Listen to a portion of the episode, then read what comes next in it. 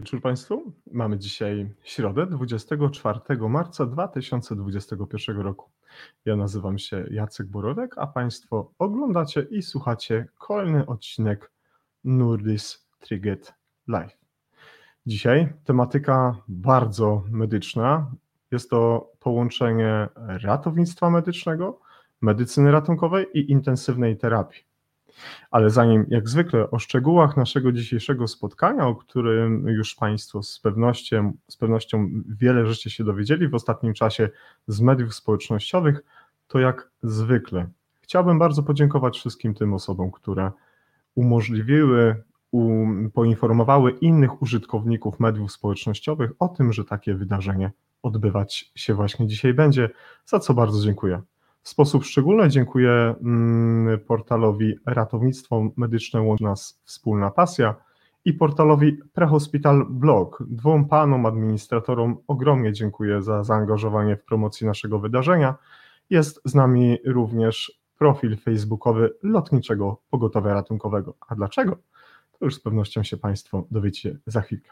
Zanim jednak, mm, drodzy Państwo, mm, zaprosimy naszego gościa do studia, to chciałbym mm, pochwalić się jedną informacją, że właśnie dotarły piękne książki od naszych gości, którzy nie tak dawno jeszcze siedzieli po drugiej stronie i z nami rozmawiali. Właśnie dotarła do nas e, książka pod tytułem Zaistnienia, prezent od Piotra Strzeżysza, z piękną dedykacją, za którą Piotrze bardzo Tobie dziękuję.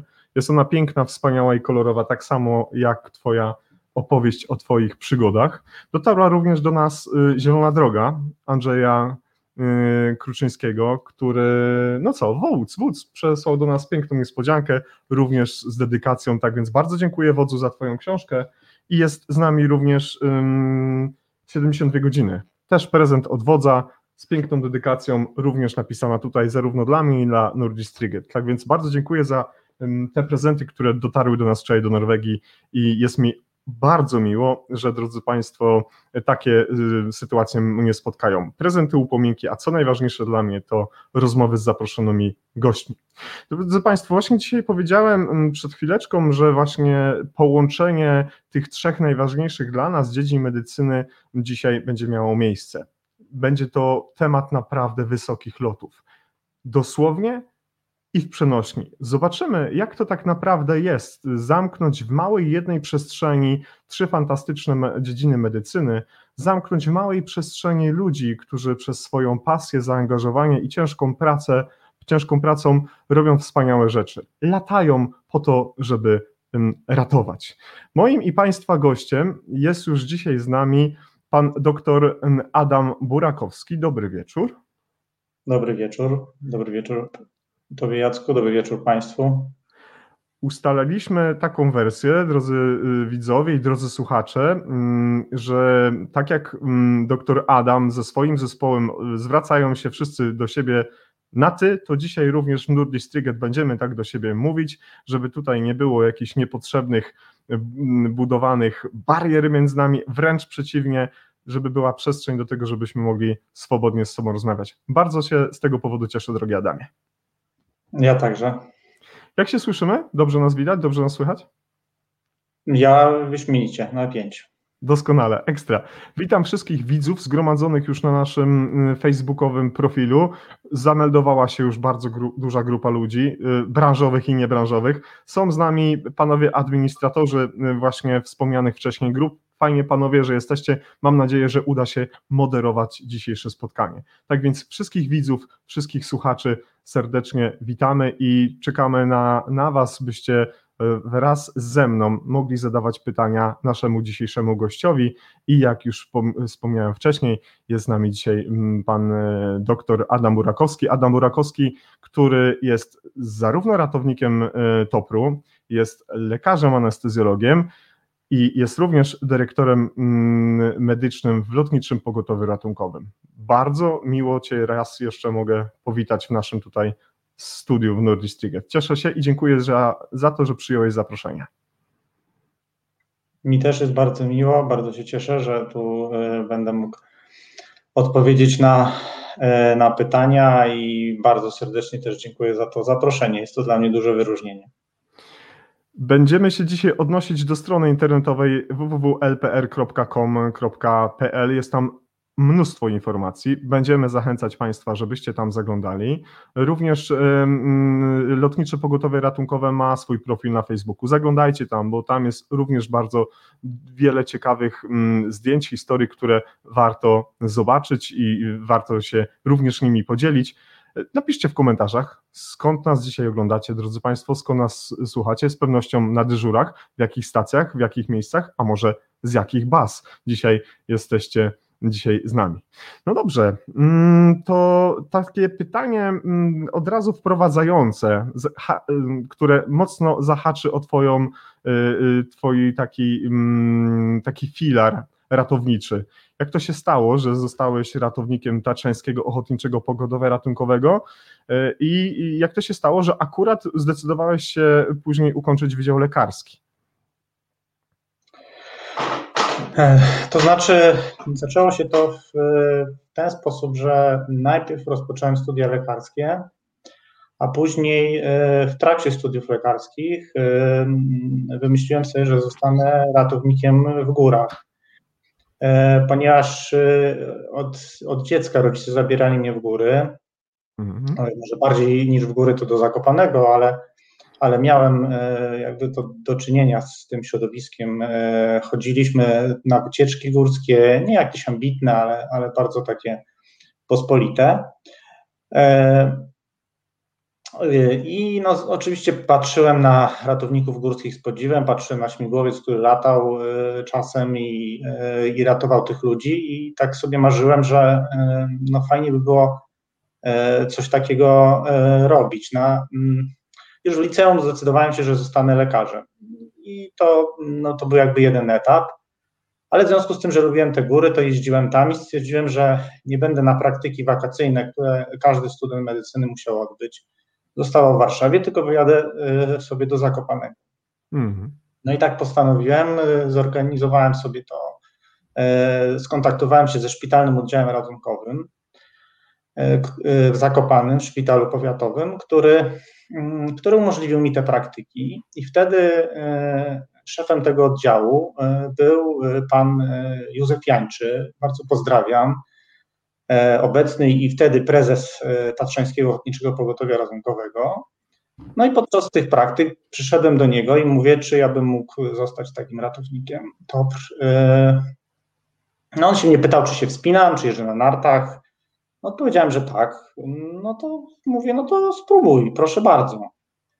Zasada jest taka, że jakby musi być dwóch ratowników wprowadzających, więc on był jednym, drugim był, drugi był mój kolega, który też był lekarzem. E, e, wtedy on był stażystą, więc był młodym lekarzem, ale już był pełnoprawnym ratownikiem TOPR-u.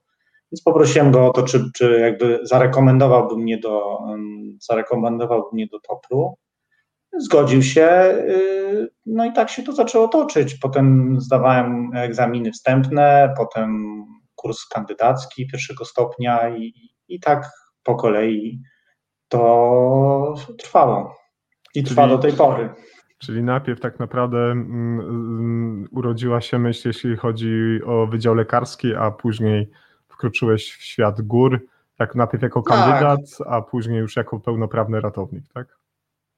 To znaczy tak, najpierw to oczywiście to ratownictwo gdzieś takie na, e, teraz powiedzielibyśmy kwalifikowanej pierwszej pomocy, ono się gdzieś toczyło i, e, i był też wątek harcerski, harcerskiej szkoły ratownictwa e, tutaj w Warszawie, który też się przewijał w czasie liceum, gdzie się angażowałem i to, to jakby to wszystko gdzieś się tam układało, po czym stwierdziłem, że no, ratownictwo jest w takich na poziomie takim fundacyjnym, w różnych zaangażowaniu w różne imprezy masowe jest ciekawe, ale ja chciałem czegoś więcej. Chciałem jakby już zająć się ratownictwem takim powiedzmy trochę na poważnie.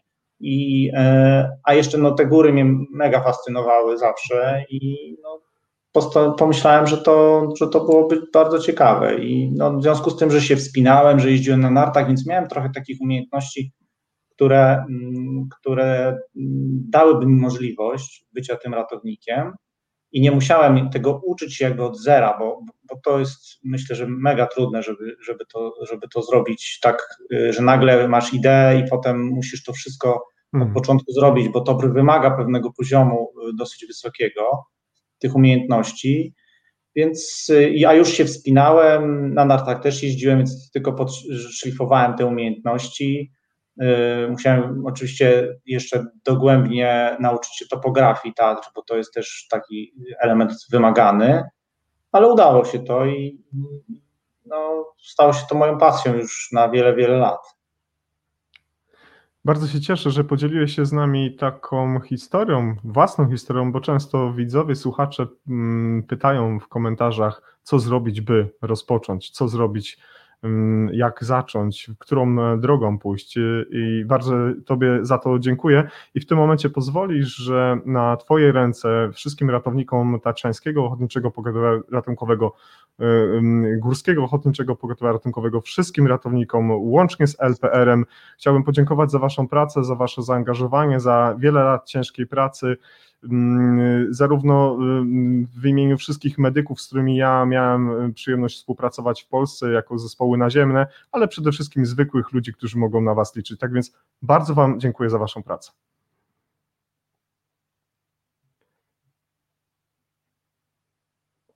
Powiedz mi proszę, czy wybór Twojej specjalizacji, jesteś anestezjologiem, było naturalną konsekwencją tego, że mm, y, byłeś też, y, y, czy jesteś ratownikiem taczańskim, czy to mm, zaważyła jakaś konkretna sytuacja na tym? Wiesz co, ja w ogóle cały ten okres, kiedy studiowałem i byłem w Toprze, to byłem mega zafascynowany medycyną ratunkową i, Mhm. i szczerze mówiąc chciałem tą medycynę ratunkową robić jako specjalizację po, po jakby zakończeniu studiów lekarskich i po stażu, ale e, trochę obawiałem się tego, e, dlatego że e, ta medycyna ratunkowa była taką specjalizacją, która jest strasznie ograniczająca później lekarza i obawiałem się tego, że że, y, y, że to nie da mi jakby możliwości jakiegoś rozwoju. I też trochę y, koledzy, muszę powiedzieć, że głównie z Topru, z- y, lekarze zniechęcali mnie do tego, żeby zrobić medycynę ratunkową.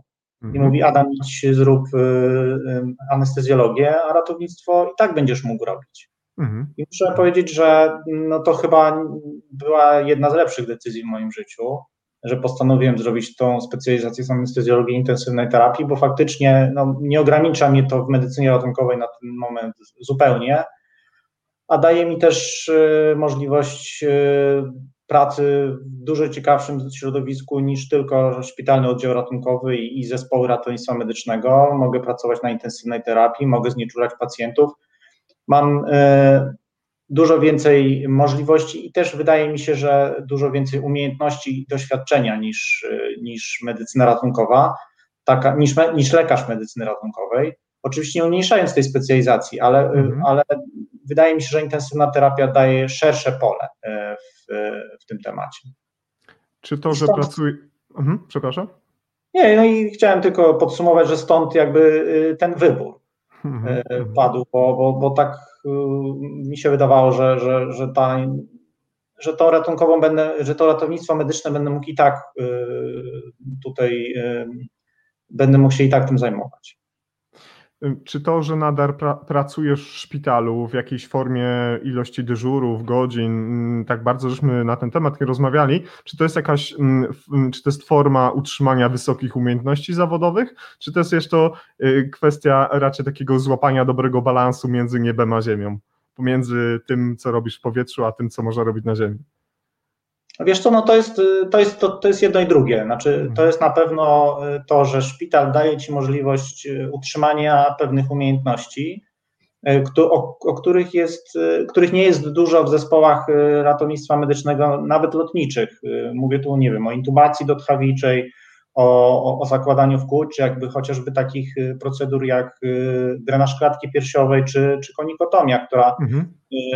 Które częściej, y, czy tracheostomia, które częściej zdarza się zrobić w szpitalu, ale też zdarzyło mi się zrobić w zespołach ratownictwa medycznego, ale muszę powiedzieć, że dzięki temu, że jakby robiłem to już wcześniej w szpitalu właśnie, to było mi zdecydowanie łatwiej. E, nie miałem, jak, nie miałem tak by, jakby bariery przed tym, żeby, żeby jakby podjąć decyzję o, o wykonaniu tego typu zabiegów. I, I tu szpital jest niezmiernie ważny, e, dlatego że właśnie, żeby podtrzymać te umiejętności. Staram się, no mimo, wszystko, mimo tych obowiązków i administracyjnych, które teraz mam, i, i jakby lotniczych, i pracy w lotniczych zespołach, to, to znajdować czas na, na dyżury też w szpitalu. Ich jest oczywiście mniej niż wcześniej, ale, ale właśnie one dają y, takie poczucie, że, że jakby nadal te umiejętności praktyczne y, są powtarzalne i, i, i bez obaw można do nich przystąpić w, w różnych sytuacjach.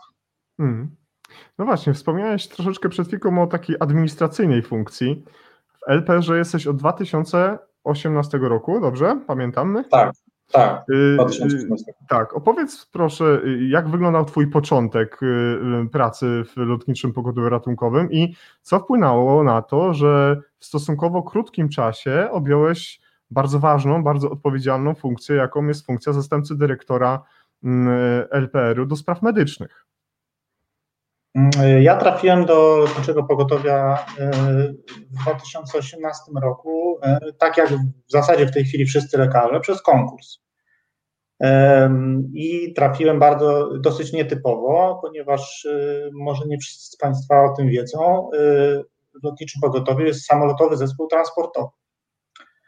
E, I e, ponieważ wszyscy kojarzą e, lotnicze pogotowie tylko z żółtymi śmigłowcami, ale mamy także samolotowy zespół transportowy, który ma dwa samoloty, które stacjonują w Warszawie i latają głównie na transporty międzyszpitalne na duże odległości. I tam trafiłem, ponieważ no, zostałem namówiony tu przez jednego z kolegów, pana profesora Daroche, pozdrawiam go serdecznie. Pozdrawiamy pana. E, który mówi, e, który mówi, że koniecznie musisz wystartować e, do tego konkursu i, i do samolotowego zespołu przyjść. No to więc postanowiłem, że tak zrobię.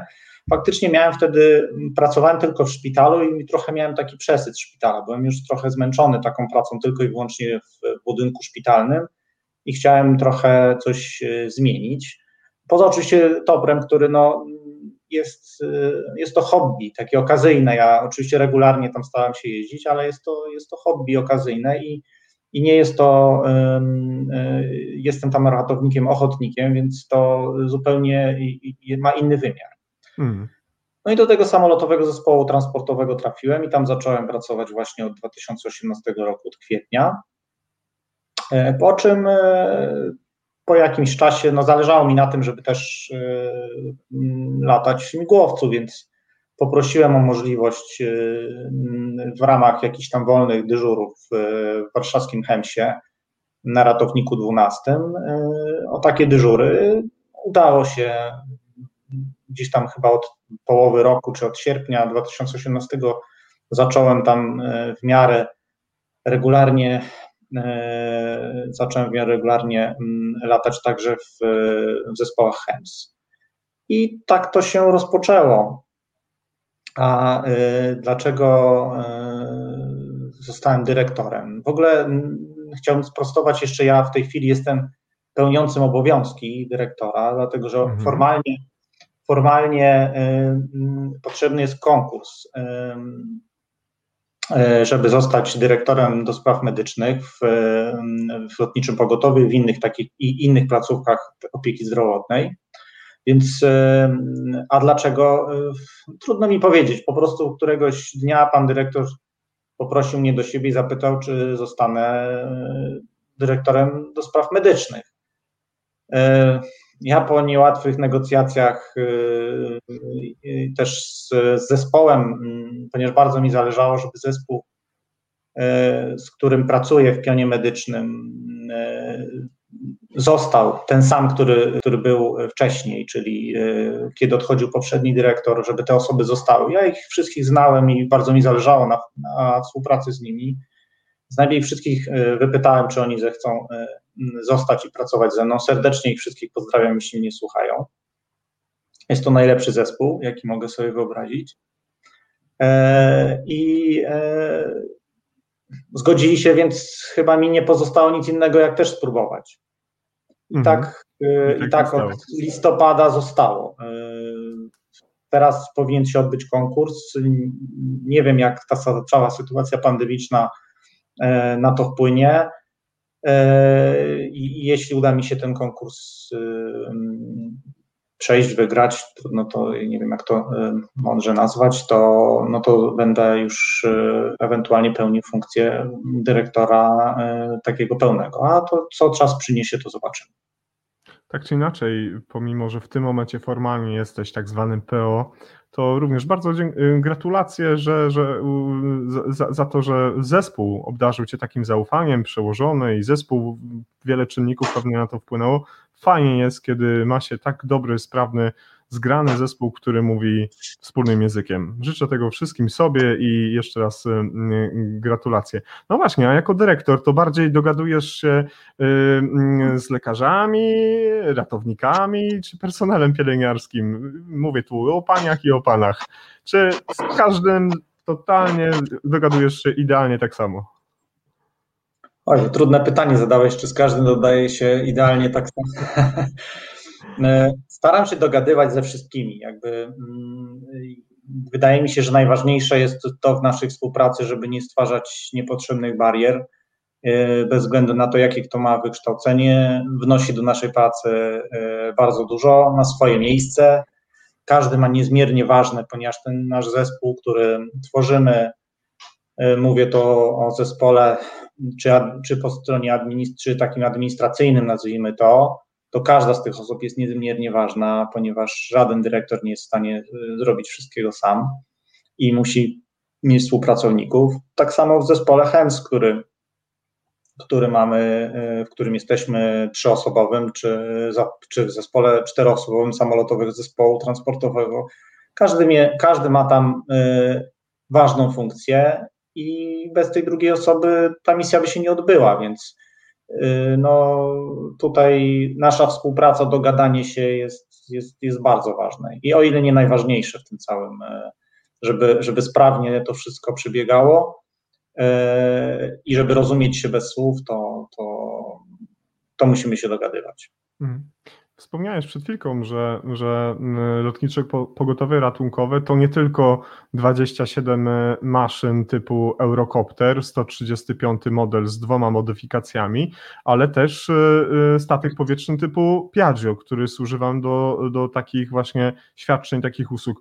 Opowiedz w kilku zdaniach, na czym polega specyfika pracy na pokładzie takiego statku powietrznego i jakbyś mógł właśnie mm, przybliżyć nam połączenie trzech dziedzin medycyny, no może bardziej dwóch, bo medycyna ratunkowa, no i ta intensywna terapia właśnie zamknięta na stosunkowo małym pokładzie, no bo nie jest to bardzo wielki statek powietrzny, prawda?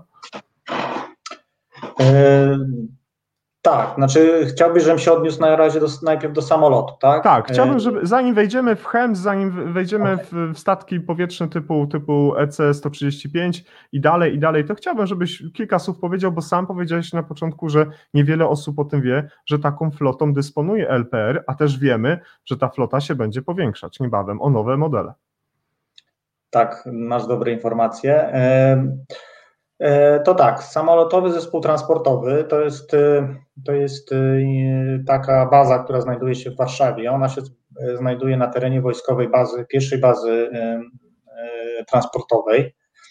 I mamy dwa samoloty. Mamy z, oba to są samoloty PS-180 Piaggio, jeden w wersji Avanti 1 i Avanti 2. One mhm. różnią się, no, wbrew pozorom, bardzo się różnią. To znaczy, z zewnątrz wyglądają identycznie, ale jeśli chodzi o awionikę, y, to dla pilotów różnią się bardzo. Jeśli chodzi o medycznie, w zasadzie nieznacznie. Y, oba mają w zasadzie y, tak samo skonfigurowane kabiny medyczne. I w skład załogi wchodzi dwóch dwóch pilotów, pielęgniarz bądź pielęgniarka, bo tu w odróżnieniu najczęściej do zespołów chemcowych mamy pielęgniarzy i pielęgniarkę i lekarza. Dlatego, że dlaczego pielęgniarze i pielęgniarkę? Samolotowy zespół transportowy bardzo często wozi noworodki i, i jakby potrzebni nam są specjaliści z tej dziedziny. My mamy bardzo, my mamy sporo transportów e, noworodkowych, bo jest to jakby w zasadzie jesteśmy jedynym w kraju, e, jedyną w kraju firmą, która wozi dzieci na takie małe, na dalsze odległości. Więc, e, więc tutaj specyfika pracy jest, jest taka, że, że potrzebna nam jest specjalistyczna wiedza z neonatologii. Mhm. I samolotowy zespół lata między wszystkimi lotniskami kontrolowanymi, czyli on wymaga takiego lotniska, które ma kontrolera ruchu lotniczego i, ma, i spełnia określone standardy dla, e, dla tego samolotu. Czyli, są, czyli są to e, wszystkie lotniska w większych miastach e, w Polsce i wozimy najczęściej albo tak zwane transporty ratownicze, ponieważ u nas mamy to podzielone na transporty ratownicze i na trans, i transporty planowe. Transporty ratownicze to są pilne transporty, na przykład związane z poparzeniami do środków leczenia oparzeń, na przykład amputacje, które wymagają pilnej replantacji, pacjenci, którzy, którzy lecą do, do przeszczepienia narządów, no i tego typu inne transporty, a transporty planowe, czyli takie, które są z, z większym wyprzedzeniem przygotowywane, no to są na przykład często właśnie transporty noworodków do różnych zabiegów albo powroty z takich zabiegów operacyjnych, ponieważ no, y, jest to tak trochę w kraju zorganizowane, że część, y, część uniwersyteckich ośrodków y, operuje na przykład jedne typy VAT, inne, inne i, i te mhm. dzieci czasem między tymi miastami są transportowane. No teraz oczywiście doszły nam jeszcze transporty covidowe, które, które także samolot, który także samolot realizuje. Więc można powiedzieć, że samolotowy zespół transportowy to jest bardziej intensywna terapia, a HEMS to jest bardziej medycyna ratunkowa. Mi to tak się zawsze kojarzyło i, mhm. i taki, taki jest mniej więcej rozdział.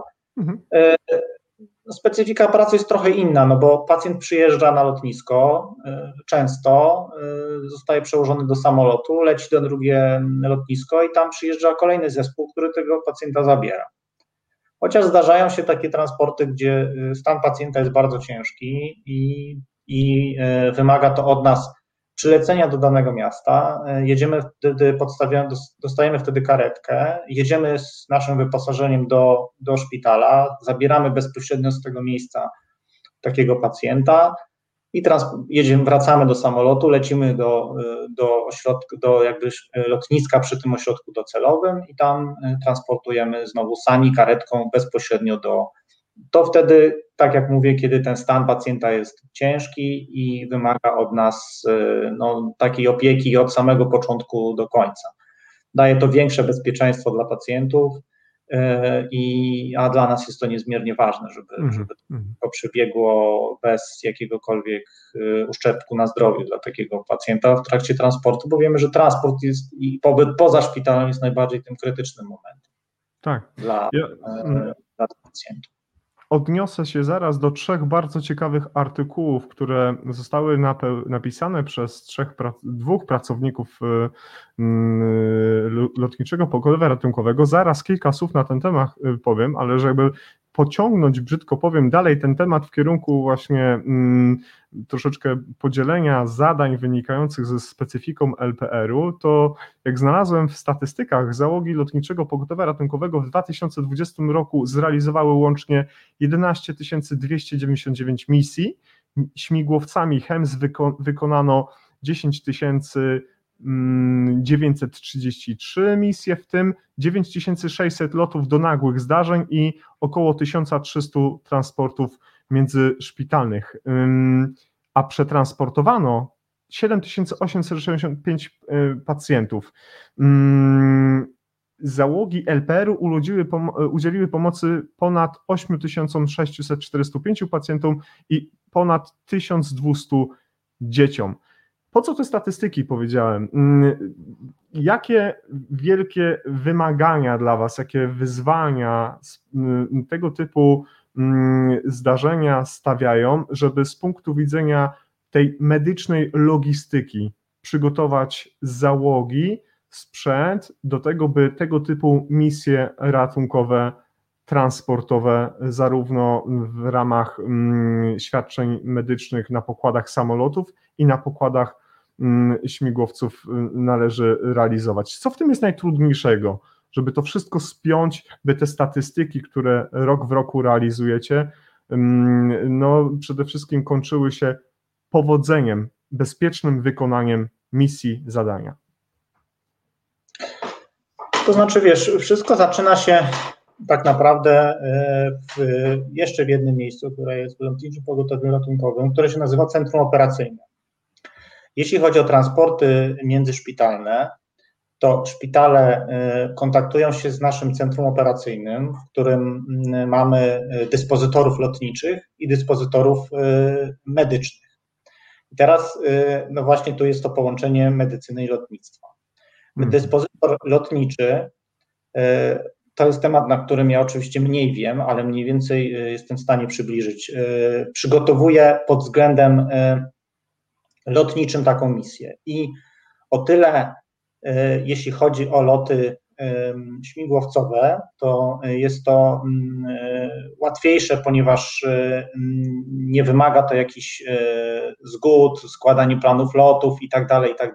O tyle samolotowy zespół transportowy lata na lotniska kontrolowane tej chwili mamy pandemię i ten ruch lotniczy jest w zasadzie można powiedzieć znikomy. Mówi się, że to jest 20% tego, co było rok temu przed wybuchem mhm. pandemii. Ale kiedy ten, y, ale kiedy ten ruch lotniczy był y, bardzo intensywny, to taki dyspozytor musi nam przygotować plan lotu, musi złożyć ten plan lotu, on, musi, on jest na konkretną godzinę, my musimy też zmieścić się, wystartować, dolecieć na, na lotnisko.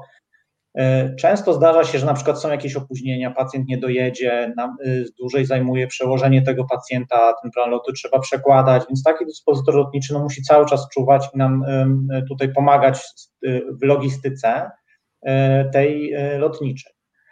Druga część to jest dyspozytor medyczny, który przygotowuje jakby taki transport pod względem medycznym, czyli on musi, z nim kontaktuje się szpital zlecający, wypełnia tak zwany raport medyczny, w którym opisuje szczegółowo stan tego pacjenta.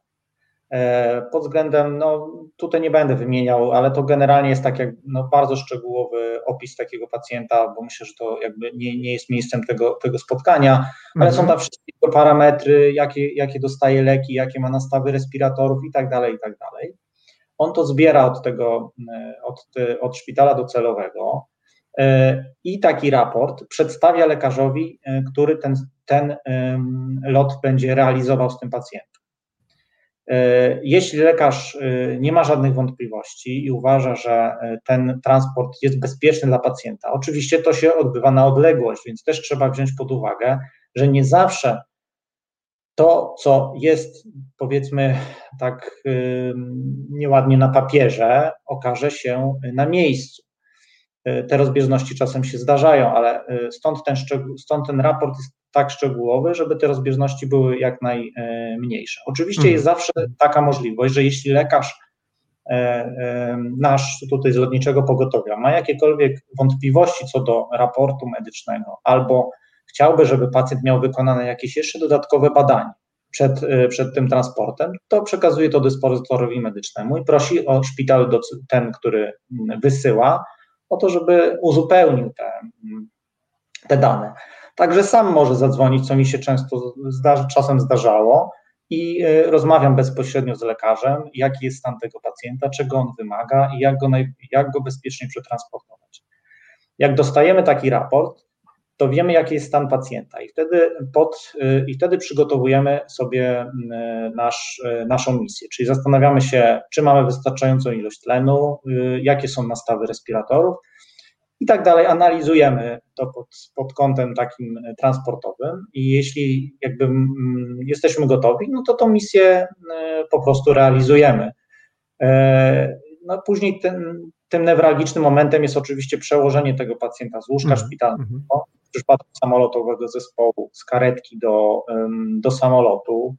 Jeśli jest to pacjent, który no, ma, e, jest wentylowany mechanicznie, ma dodatkowo wiele pomp, no to, to przekładanie jest niezmiernie trudne, dlatego że wymaga, no, drzwi w samolocie są dosyć wąskie, więc to wszystko wymaga dużych, powiedzmy, dużej umiejętności, dużej wiedzy, żeby, żeby tutaj niczego i nie uszkodzić. Mówię na przykład tutaj o uszczelce, która zabezpiecza drzwi hermetyzowanej kabiny samolotu. Jeśli byśmy ją uszkodzili, to skończyłoby się to zostaniem na, na tym lotnisku. Często korzystamy z autobusów, jeśli chodzi o samolotowy zespół transportowy na lotniskach, żeby pacjentowi było ciepło, ponieważ przy pogodzie takiej zimowej, kiedy pada na przykład śnieg czy deszcz, jest temperatura poniżej zera, to taki pacjent, y, y, który przyjeżdża często w jakimś no, niezbyt grubym ubraniu, trzeba go przełożyć, więc robimy to w autobusie, który jest ogrzewany. E, podobnie robimy z noworodkami, których przekładamy z jednego inkubatora do drugiego.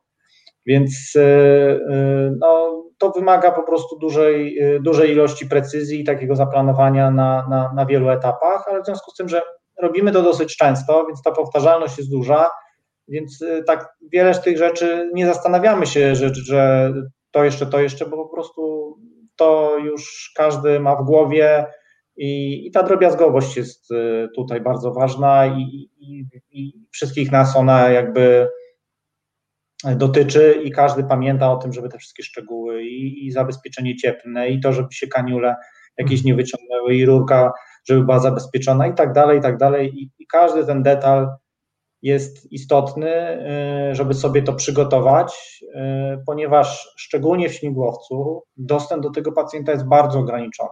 I jak sobie nie przygotujemy wszystkiego dobrze, to później jest bardzo trudno cokolwiek. Jak się okaże, na przykład się wyciągnął wętlon, y, który pacjent miał, już nie mówiąc, że jest to jedyny wętlon i, i na przykład założony do jakiejś bardzo lichej żyły, no to potem założenie tego wętlona śmigłowcu, gdzie my jesteśmy praktycznie za głową pacjenta, y, no jest niezmiernie trudne, więc przygotowanie i, i właśnie zabezpieczenie tego wszystkiego, tego pacjenta przed włożeniem go do śmigłowca, no stwarza takie warunki y, jak największego bezpieczeństwa tego transportu.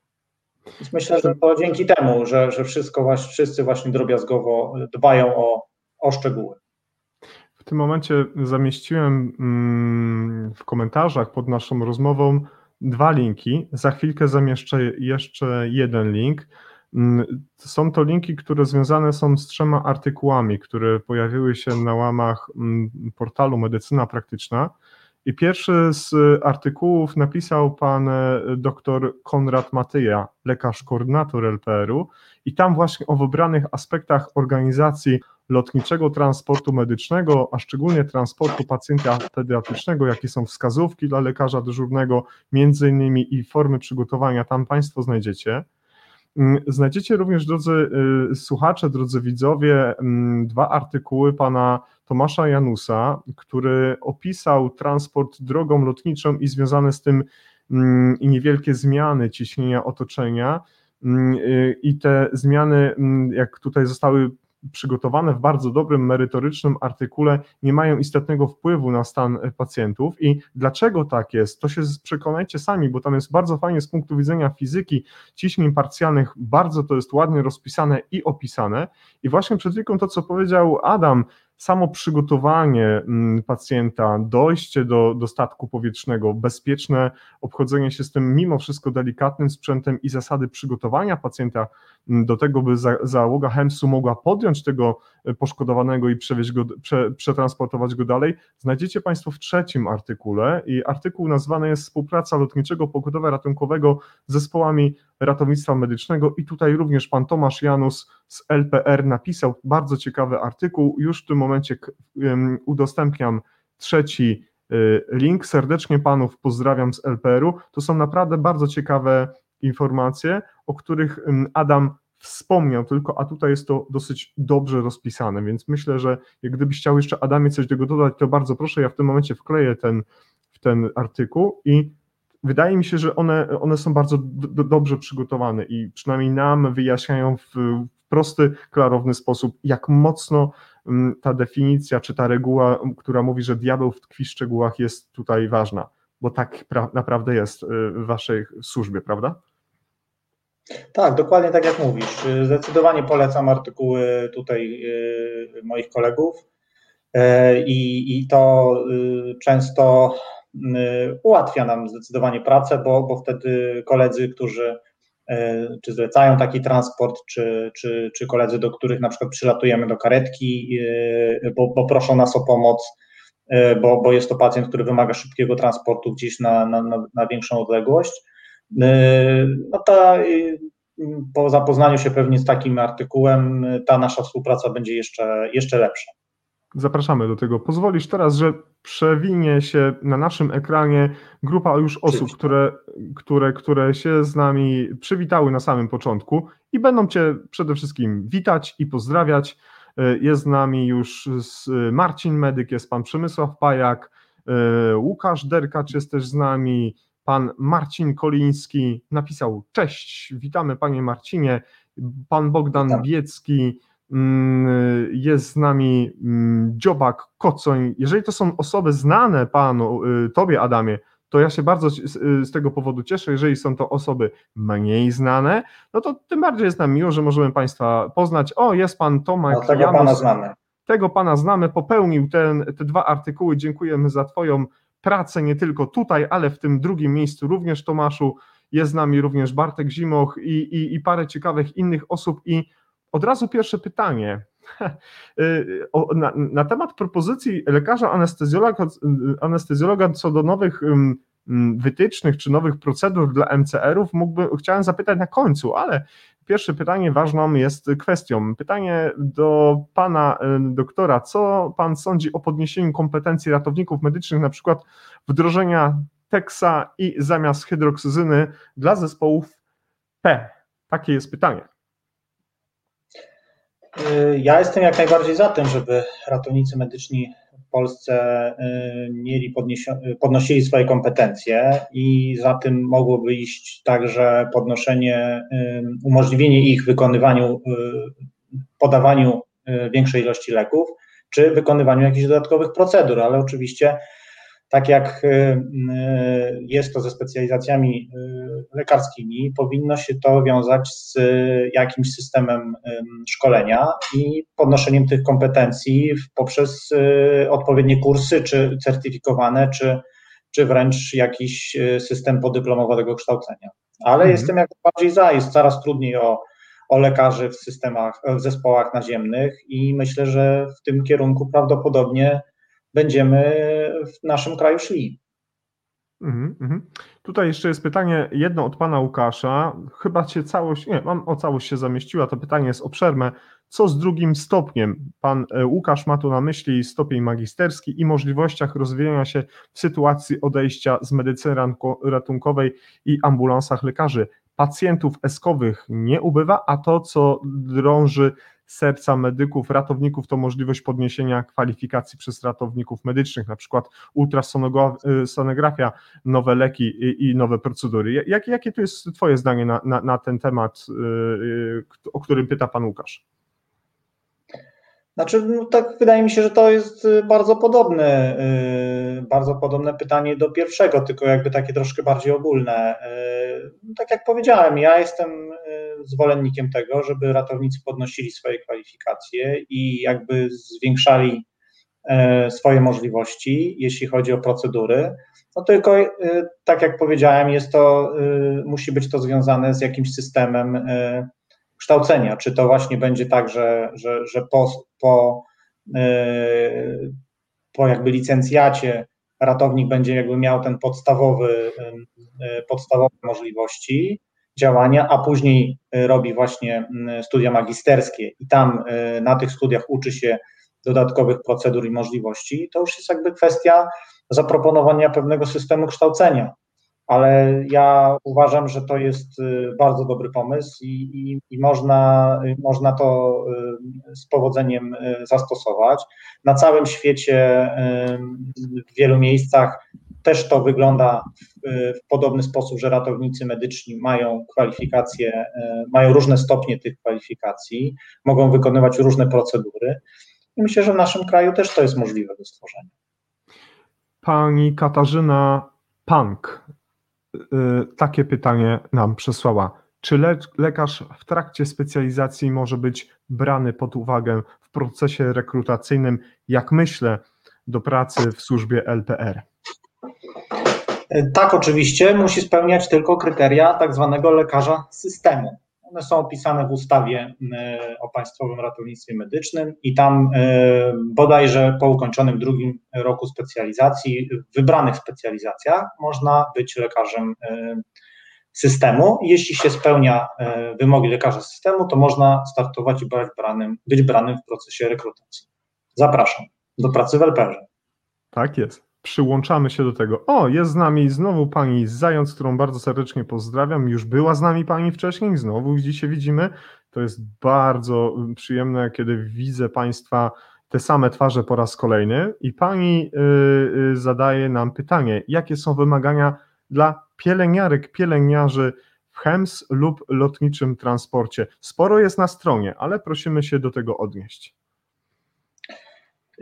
Nie chciałbym popełnić gafy, ale wydaje mi się, że 5 lat doświadczenia to jest minimum e, w systemie e, ratownictwa medycznego, e, poza oczywiście jakby wykształceniem pielęgniarskim. Chyba specjalizacja nie jest wymagana, ale tak jak powiem, ja bardziej jestem w temacie lekarskim i rekrutacji związane z, z personelem ratowników czy pielęgniarzy nie przeprowadzałem nigdy więc y, mogę się mylić w tym temacie, ale tak jak mu powiedziałeś, wszystko jest dokładnie opisane na stronie, y, więc nie chcę tu wprowadzić błąd. Ale 5 lat doświadczenia wydaje mi się, że jest, tym, y, jest to wymaganie minimalne. Już w tym momencie wkleiłem link z wymaganiami dla ratowników medycznych, Dziękuję. ratowniczek, pielęgniarek i panów pielęgniarzy. Ten link znajduje się, droga pani, w, pod naszym wydarzeniem. Zapraszam na stronę LPR-u, tam jest mnóstwo informacji i warto do nich zaglądać. Mm, jest pytanie od y, pana Emila Gradowskiego, które jest również obszerne. Znikniemy trochę z wizji, ale co, czego się nie robi dla naszych widzów i słuchaczy? Panie doktorze, czy pielęgniarz, pielęgniarz anestezjologiczny spełniający kryteria pielęgniarza systemu i pracujący w SOR oraz oddziale intensywnej terapii 4 lata ma szansę na angaż jako Czach, biorąc pod uwagę brak bezpośredniego doświadczenia w zespołach pogotowia ratunkowego, czytaj ZRM, czy praca w ZRM jest właśnie niezbędnym warunkiem bycia branym pod uwagę? E, to znaczy tak, jeśli chodzi o bycie czachem, to e, wydaje mi się, że jest niezbędnym e, warunkiem, ale w samolotowym zespole transportowym, jeśli takie doświadczenie się ma, to nie jest to niezbędne. Dlatego że tam nie jest się takim członkiem, no to nie jest, to jest jakby samolotowy zespół transportowy jest trochę poza systemem, można powiedzieć, ratownictwa medycznego, więc tam te kryteria są trochę inne. Pan Andrzej Grześ zadał takie pytanie: jak wyglądają Twoje dyżury w Zakopanem? Dyżurujesz na śmigłowcu czy w zespołach naziemnych? Bierzesz tylko udział w, akcje, w akcjach stricte medycznych, czy ruszasz też po kogoś, kto y, zabłądził? Jaka akcja w Tatrach najbardziej zapadła Tobie w pamięci? Pan Andrzej pozdrawia. Rozumiem, że to pytanie z racji tego, że Adam jest przede wszystkim ratownikiem TOPR. Stał się już kiedyś i tak już będzie do Amen. Tak, myślę. E, teraz co prawda tego czasu mam mniej, jak moje dyżury wyglądały? Ja y, jeździłem y, i teraz z racji pandemii też trochę się to zmieniło, ale to już powiedzmy, powiem jak to było poza pandemią. Jeździłem y, na dyżury zwykle raz w miesiącu, na jakieś 2-3 dni. Tam dyżurowałem. Dyżurowałem także w, śmigłowcu, dyżurowałem w centrali, jak to się mówi, czyli jako ratownik w tak zwanym E, takim interwencyjnej grupie, czyli e, która, która wychodzi z centrali na wyprawę. Nie wszystkie, e, nie wszystkie akcje ratunkowe są związane ze śmigłowcem, z racji tego, że nie wszystkie tego wymagają, a też bywają takie dni, że nie ma pogody i śmigłowiec nie jest w stanie wylecieć. Wtedy grupa szturmowa, która znajduje się w centrali, rusza do takiej akcji. E, jako, e, ratownik TOPR i lekarz. Jestem też, jestem jakby ratownikiem TOPR głównie, można powiedzieć, czyli biorę udział we wszystkich akcjach. Nie ma tutaj takiej sytuacji, że ja nie, nie wezmę udziału w jakiejś akcji, jakiejś wyprawie, która wymaga tylko poszukiwania jakiegoś turysty, który na przykład zabłądził albo wszedł w trudne miejsce i nie jest w stanie się stamtąd wycofać. My jako lekarze bierzemy udział we wszystkich tych akcjach ratunkowych. Oczywiście jeśli są to medyczne, no to w pierwszej kolejności y, udzielamy tych medycznych działań i, i, i działamy medycznie. Mhm. Jesteśmy tu wsparciem dla ratowników medycznych, których jest też pewna grupa zawodowa w TOPRze i staramy się ich wspierać w, w działaniach ich. A jaka akcja zapadła? No chyba wypadek na Giewoncie, w którym miałem okazję brać udział, to chyba była najtrudniejsza akcja ratunkowa, w jakiej ja brałem udział i którą chyba zapamiętam do końca życia. Wcześniej mówiłem o tych podziękowaniach i chyba to jest też szczególnie taki moment, że Tobie, załodze, wszystkim osobom, które tam niosły pomoc, raz jeszcze chylę czoła i kłaniam się Wam bardzo, bardzo nisko. 30 grudnia, patrząc na Wasze statystyki, Wasza flota, 27 śmigłowców EC-135 i H-135 osiągnęły sumaryczną liczbę 350 tysięcy lądowań, w tym samym całościowym yy, czas nalotu w tych maszyn wyniósł niemal 88 tysięcy godzin. Najbardziej pracowitym dniem w 2020 roku był 8 sierpnia, wtedy to śmigłowce wykonały łącznie 57 misji, maksymalna liczba wylotów w ciągu jednego dnia wyniosła 7. Taki wynik uzyskała załoga w Gdańsku. Moje pytanie brzmi, w jaki sposób powstają procedury LPR-u, które są, które obowiązują w, w, tych wszystkich maszynach, w tych wszystkich bazach, czy one są wszystkie takie same? Czy one się różnią od siebie i w jaki sposób te procedury powstają? Ale pytasz o procedury medyczne, czy o procedury... Pro, pro, pro, procedury medyczne myślę, że możemy, możemy się skupić, bo one są najbliżej Twoim kompetencjom, więc spróbujmy to znaczy, o kompetencjach medycznych. E, to znaczy, no, mamy też taki dokument, który się nazywa instrukcją medyczną i tam mamy opisane wszystkie nasze działania medyczne, mamy opisany standard wyposażenia, mamy opisane jak się mamy w danych sytuacjach zachować. I one powstają E, istnieje w tej chwili coś takiego jak e, dział zarządzania klinicznego, który jest jakby tutaj właśnie między innymi w pionie dyrektora do spraw medycznych. I ten dział e, zrzesza, ma swojego kierownika i, i jakby zrzesza lekarzy koordynatorów, których jest czterech. I każdy region ma, tak upraszczając, każdy region ma swojego koordynatora.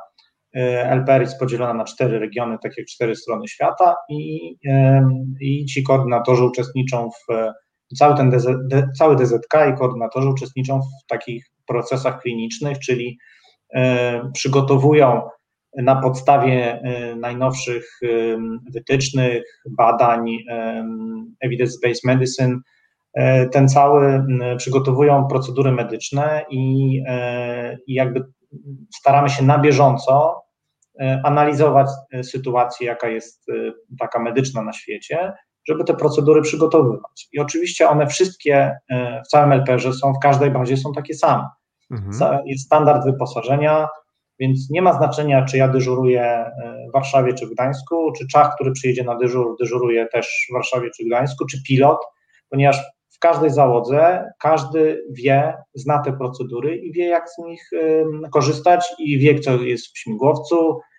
W związku z tym możemy y, spotkać się przykładowo, przypadkową grupą ludzi i e, zaraz minutę po spotkaniu na dyżurze polecieć do misji i każdy z nas wie, co ma robić, ponieważ no, jesteśmy wyszkoleni według y, bardzo podobnego schematu, znaczy według takiego samego schematu i to nam bardzo ułatwia pracę czy wszystkie torby medyczne, wszystkie sakwy, wszystkie miejsca, ampularia, wszystko, wszystko jest dokładnie tak samo spasowane, użyję takiego słowa, w, stac- w bazie warszawskiej, y, gorzowskiej, wrocławskiej i tak dalej, i tak dalej. Wszędzie wygląda to identycznie?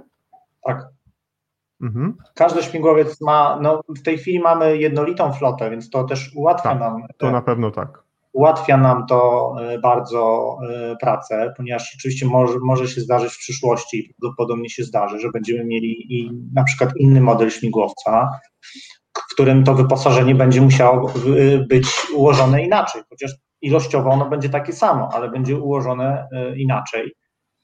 Ale w tej chwili mamy taką samą flotę śmigłowców. W sensie te śmigłowce oczywiście się różnią technicznie, awionicznie między sobą, no bo są to typy P2, P3 tak, tak. E, i P3X, ale one, jeśli chodzi o zabudowę medyczną, tą kabinę medyczną, są identyczne i to nam bardzo ułatwia pracę pod względem takim, takiej pracy na co dzień.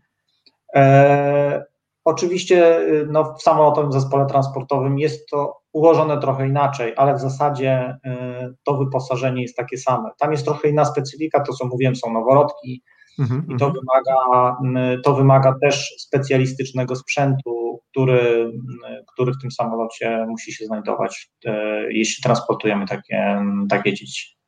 Ja to pytanie trochę podzieliłem między siebie a widza, który do nas napisał. Widz nie może dzisiaj nas oglądać, bo jest w pracy, jest zajęty Y, swoimi zadaniami i właśnie y, Pozdrawiamy. Na, tak, pozdrawiamy bardzo serdecznie, dziękujemy mm, y, za to pytanie. Jak właśnie powstawały, bo jak wiemy, ten przełom w historii LPR-u to, były, to był rok 2000, kiedy została zmieniona jedna forma jakby y, prawna mm, instytucji, która była od praktycznie od lat, lat 50. funkcjonowała w naszym kraju, a od lat 2000 zostało to przemianowane na, na taką formę, jaką jest teraz. I teraz y, y, nasz widz zapytał, czy wszystkie procedury, szczególnie w latach 2000, jakie były wprowadzane, one były mm, budowane przez Was, były waszą, waszej produkcji, czy one były zapożyczane z innych systemów niemieckich, brytyjskich, tam gdzie y, również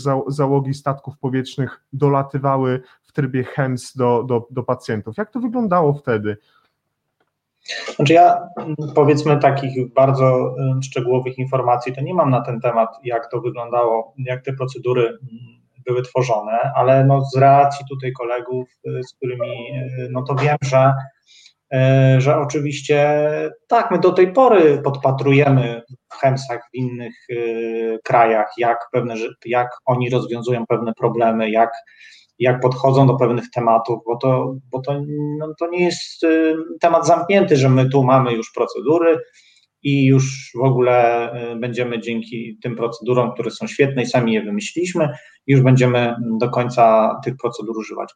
To wszystko cały czas ewoluuje, zmieniają mhm. się leki, zmieniają się drogi podania, z, też zmieniają się trochę mody, jeśli chodzi o stosowanie leków. Są takie leki, które kiedyś były wyklęte, teraz znowu się je z powodzeniem stosuje. Cały czas e, staramy się to śledzić, e, podpatrywać też w innych chemsach, jak mają rozwiązane pewne, pewne chociażby, nie wiem, jak wygląda kabina medyczna, jak wyglądają plecaki, jak wyglądają, e, nie wiem, śpiwory do transportu pacjentów. Wszystkie te rzeczy staramy się podpatrywać, no, urządzenia do monitorowania, respiratory, Teraz dziś jesteśmy na takim etapie, że będziemy te urządzenia wymieniać i właśnie szukamy, e, testujemy e, urządzenia nowe, żeby, żeby je wymienić e, w przyszłości, bo, bo te, co mamy, już, już mają swoje lata i, i chcielibyśmy je mhm. wymienić na nowocześniejsze. Więc to, no, to, to wszystko jest, to ewoluuje. To nie jest tak, że ktoś usiadł i, i to wszystko od początku napisał.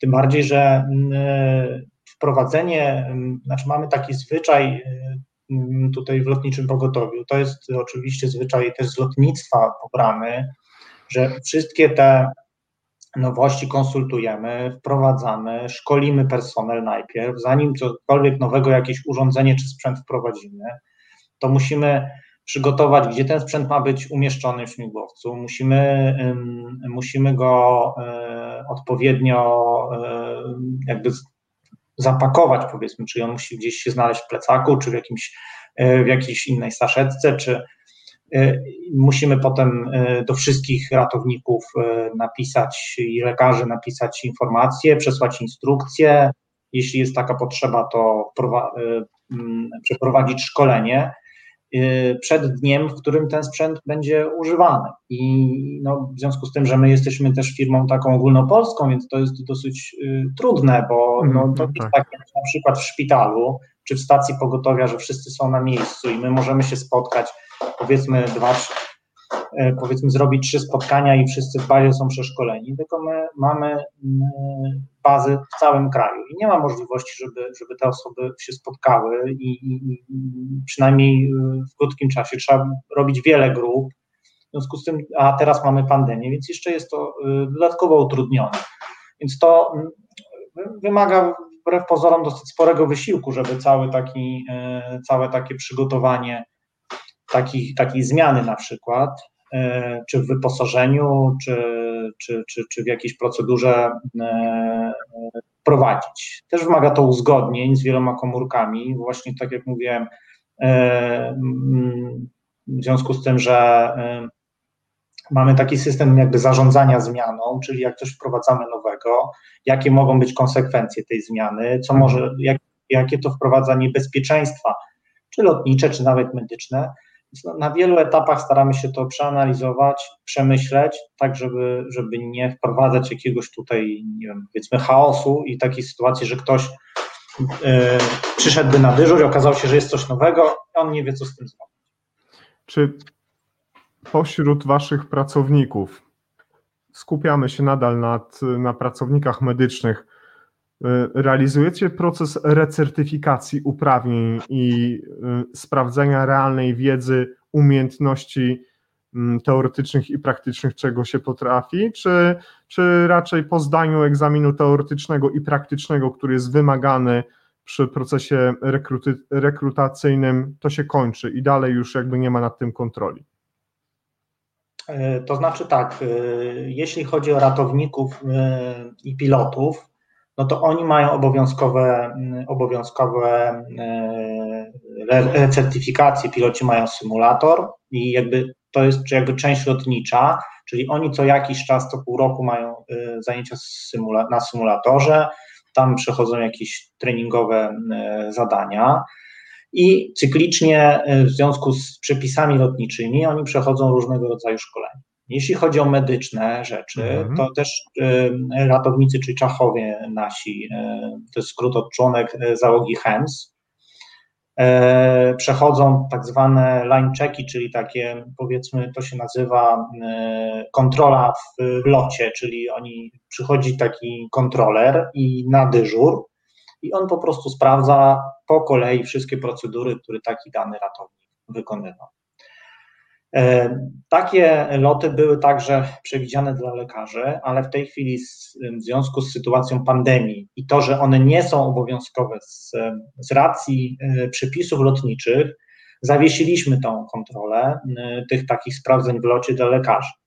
Robimy je wybiórczo, kiedy mamy jakieś wątpliwości, ale no, także poza tematem y, takim y, bezpośrednim, to robimy audyty dokumentacji medycznych, sprawdzamy, jak to wygląda. Jest możliwość y, zaraportowania jakiejś misji medycznej, jakiegoś działania niepożądanego, także anonimowo i zwykle lekarze, jeśli dochodzi do jakiejś sytuacji, przysyłają nam taką informację, my ją analizujemy, wyjaśniamy i staramy się regularnie utrzymywać uprawnienia, jeśli chodzi o, e, o szkolenia też e, certyfikacyjne, jeśli chodzi o szkolenia takie specjalistyczne.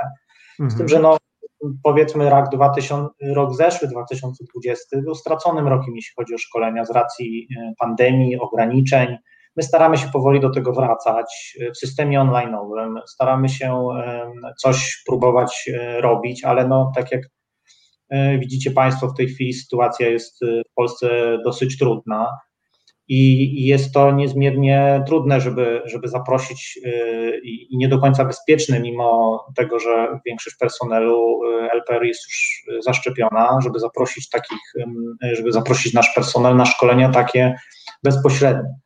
Hmm. Chociaż e, planujemy je w tym roku, zobaczymy, jak to e, z racji pandemii będzie wyglądało, ale chcielibyśmy takie cykle szkoleń e, przeprowadzić, szczególnie dla nowych lekarzy, którzy do nas przyszli w, czy w zeszłym, czy w tym roku, którzy jakby ani razu nie mieli pewnych, pewnych szkoleń i chcielibyśmy, żeby, żeby oni takie szkolenia przeszli. Chciałbym jeszcze uściślić Twoją wypowiedź na temat tych sprawdzeń realnych kompetencji ratowników medycznych, jeśli chodzi o ich wiedzę, umiejętności. Czy, czy to, co powiedziałeś, te sprawdzenia dotyczą się procedur pokładowych w statku powietrznym, czy to są stricte procedury te, które ratownik medyczny ma obowiązek wykonać samodzielnie i pod, pod nadzorem lekarza? Chciałbym o to zapytać. Na przykład w naszej klinice rok w roku proces recertyfikacji przychodzimy. Chciałbym zapytać, czy jest taki mechanizm również tutaj y, w, waszym, y, w waszej służbie? To znaczy medycznych takich stricte to nie. Okay. E, to są procedury związane bardziej z y, procedury takie jakby związane y, lotnicze. Mhm. My raczej idziemy w tym kierunku, że staramy się, aby każdy z nas miał aktualne, y, aktualne szkolenia, te certyfikowane na przykład.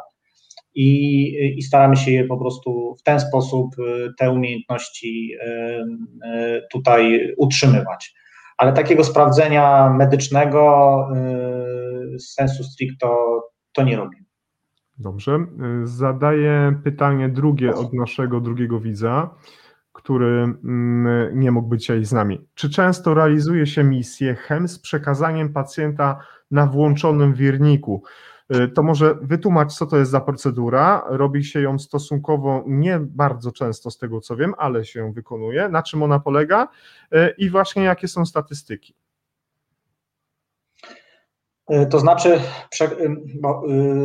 nie do końca jestem w stanie, rozumiem to pytanie w tym sensie, że przekazaniem pacjenta gdzie? Dlatego, że jeśli już, to chodzi o to, że przekazaniem od zespołu ratownictwa medycznego do śmigłowca bez tak. wyłączonego wirnika, czy tak, HEMS o to chodziło. Nie, o, o, to chodziło, że statek możemy powietrz... tak, statek powietrzny taką... ląduje do ZRM-u, mhm. naziemnego zespołu. Możemy taką procedurę wykonać. My raczej staramy się tego unikać, yy, dlatego że jest to dosyć niebezpieczne i yy, musimy, yy, po pierwsze to musimy dbać o bezpieczeństwo. Jeśli czas nagli, jest to sytuacja taka, która naprawdę wymaga wymaga przekazania takiego pacjenta, musimy być też pewni, że ten pacjent jest odpowiednio zabezpieczony, bo mm, y, to jest jakby też kluczowy element tej, tej całej sytuacji, bo y, y, my musimy, jeśli weźmiemy pacjenta do śmigłowca, to trzeba pamiętać, że tam jest już dosyć ograniczony dostęp, szczególnie do części kończyn dolnych, E, gdzie w sytuacji, gdyby na przykład był, byłyby to jakieś rany i my nie, nie bylibyśmy w stanie tego, nie byłyby one zabezpieczone na, e, w zespole ratownictwa, to, e, to no, sami mielibyśmy ogromne trudności. Więc jeśli jesteśmy pewni, że pacjent jest odpowiednio zabezpieczony, jest to taka sytuacja, w której czas jest niezmiernie ważny i każdy, każda minuta gra rolę, to możemy coś takiego wykonać. Statystyki nie podam. Nie wiem, jaka jest statystyka, ile takich misji zrealizowanych. Myślę, że realnie niewiele. Czyli po, nawet nie chodziło o wskazanie konkretnej liczby, ale y, chodziło tutaj pewnie o to, czy robi się to często. Rozumiem, że nie. Raczej rzadko. Raczej rzadko. Mhm, mhm. Jest y, y, w jednym z artykułów pan Tomasz Janus napisał mm, między innymi wiele ciekawych rzeczy. Ale zaznaczył, y, było napisane tam w tym tekście coś takiego. Należy zaznaczyć, że pacjentów może uratować jak najszybsze wdrożenie krytycznych procedur, a także jak najszybszy transport do ośrodka docelowego. Ale sam wymór, wybór środka transportu nie ma niestety właściwości terapeutycznych. Dlaczego o tym mówię? Dlatego, że często między załogami ZRM-ów y, naziemnych przez dyspozytorów medycznych, ratowników dyżurujących następują pewne mm, mm, przesyłanie informacji czy komunikowanie się w celu zadysponowania HEMS-u bądź nie. I mm, powiedz mi, interesuje mnie pytanie, jak my, ratownicy medyczni, radzimy sobie z odczytywaniem tego, do czego tak naprawdę HEMS jest przygotowany i w jakich konkretnych sytuacjach HEMS jest tym zespołem wsparcia dla załóg naziemnych oraz realizuje kolejny łańcuch y, y, procesu terapeutycznego łącznie z transportem dalej. Jak to wygląda? Jak wy- jakbyś ocenił nasz poziom wiedzy w tym temacie? E, To znaczy, powiem tak, że znaczy tutaj e, e, chciałbym odnieść się może do, do sprawy czasów, do lotów, na przykład do pacjenta, bo tu e, myślę, że to ja czasem mam wrażenie, że e, nie zawsze to oczywiście ten, te błędy, e, o których ty tutaj, e, które tu wskazuje, że ten, e, że ten wybór środka transportu jest leczący, są na poziomie na przykład dyspozytora, ponieważ e, dochodzi do wypadku, czy dochodzi do jakiegoś zdarzenia, które jest potencjalnie dosyć daleko, e, jest wysyłany zespół ratownictwa naziemny, e, on dojeżdża na miejsce zdarzenia, e, wdraża jakieś procedury e, w celu ustabilizowania stanu pacjenta, e, które zajmują, e, ten czas dojazdu już zajął jakiś czas, potem te procedury, no i potem jest decyzja o tym, żeby wezwać HEMS. Mhm. No i okazuje się, że tak, pacjent oczekuje, pacjent na miejscu zdarzenia już jest na przykład kilkanaście bądź kilkadziesiąt minut, a zespół HEMS ma tyle samo do lotu, bo na przykład jest to, nie wiem, 80 kilometr czy, czy dalej. I, a w tym samym czasie zespół, który mm, y, jest na miejscu, ma do szpitala też wcale nie tak daleko, tylko na przykład 20 kilometrów. I ten czas jego dojazdu e, z pacjentem do szpitala y, zająłby mniej więcej tyle czasu, ile dolot śmigłowca. I tutaj jakby korzyści w tym momencie z tego, że my wezwiemy śmigłowiec HEMS w zasadzie nie ma. Mówię o korzyści czasowych, bo na przykład może być taka sytuacja, że ten pacjent wymaga na miejscu jakichś procedur wynikających z tego, że na, na pokładzie śmigłowca jest lekarz. A wezwanie tego zespołu równolegle z zespołem naziemnym y, spowodowałoby, że zespół HEMS przybyłby wiem, po 10 minutach i zabrałby tego pacjenta i wtedy ta korzyść czasowa byłaby y, znaczna. Mhm. A nie ma problemu z tym, że my byśmy na przykład wystartowali, na miejsce zdarzenia dojechałby zespół naziemny i stwierdził, że no, obrażenia pacjentów albo ich nie ma, albo są na tyle y, nieznaczne, że ten zespół HEMS nie jest potrzebny i odwołanie go z powietrza, no wtedy po prostu wracamy do bazy i nie ma żadnego problemu. I tu mi się wydaje, że najczęściej dochodzi do pewnych y, takich y, mm, nie do końca logicznych postępowań na tym etapie. Ja odnoszę takie wrażenie w tych, y, w tych naszych tutaj codziennych działaniach. Zespół HEMS oczywiście działa jak normalny zespół S i może polecieć do każdego zdarzenia, pytając, e, odpowiadając na Twoje pytanie, do czego może polecieć HEMS. W zasadzie do każdego zdarzenia, bo obecnie y, tutaj w rejonie Warszawy mamy duży problem z zespołami naziemnymi i, i wzrosła nam bardzo znacznie ilość lotów i często są to loty do zdarzeń, których, do których wcześniej nie lataliśmy z, ra, z racji tego, że były to zdarzenia, które no, nie wymagały zespołu HEMS, ale teraz na przykład nie ma zespołu naziemnego, żeby dojechał, w związku z tym leci zespół HEMS i jakby realizujemy to, e, do czego zostaliśmy wezwani.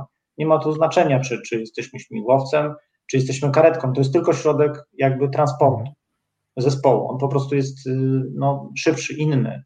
E, Co oczywiście mm, mamy inne problemy, bo, bo jeśli latamy do środka miast, czy do takich miejsc, do których wcześniej nas by nie wezwał, to czasem mamy trudność z wylądowaniem blisko miejsca zdarzenia.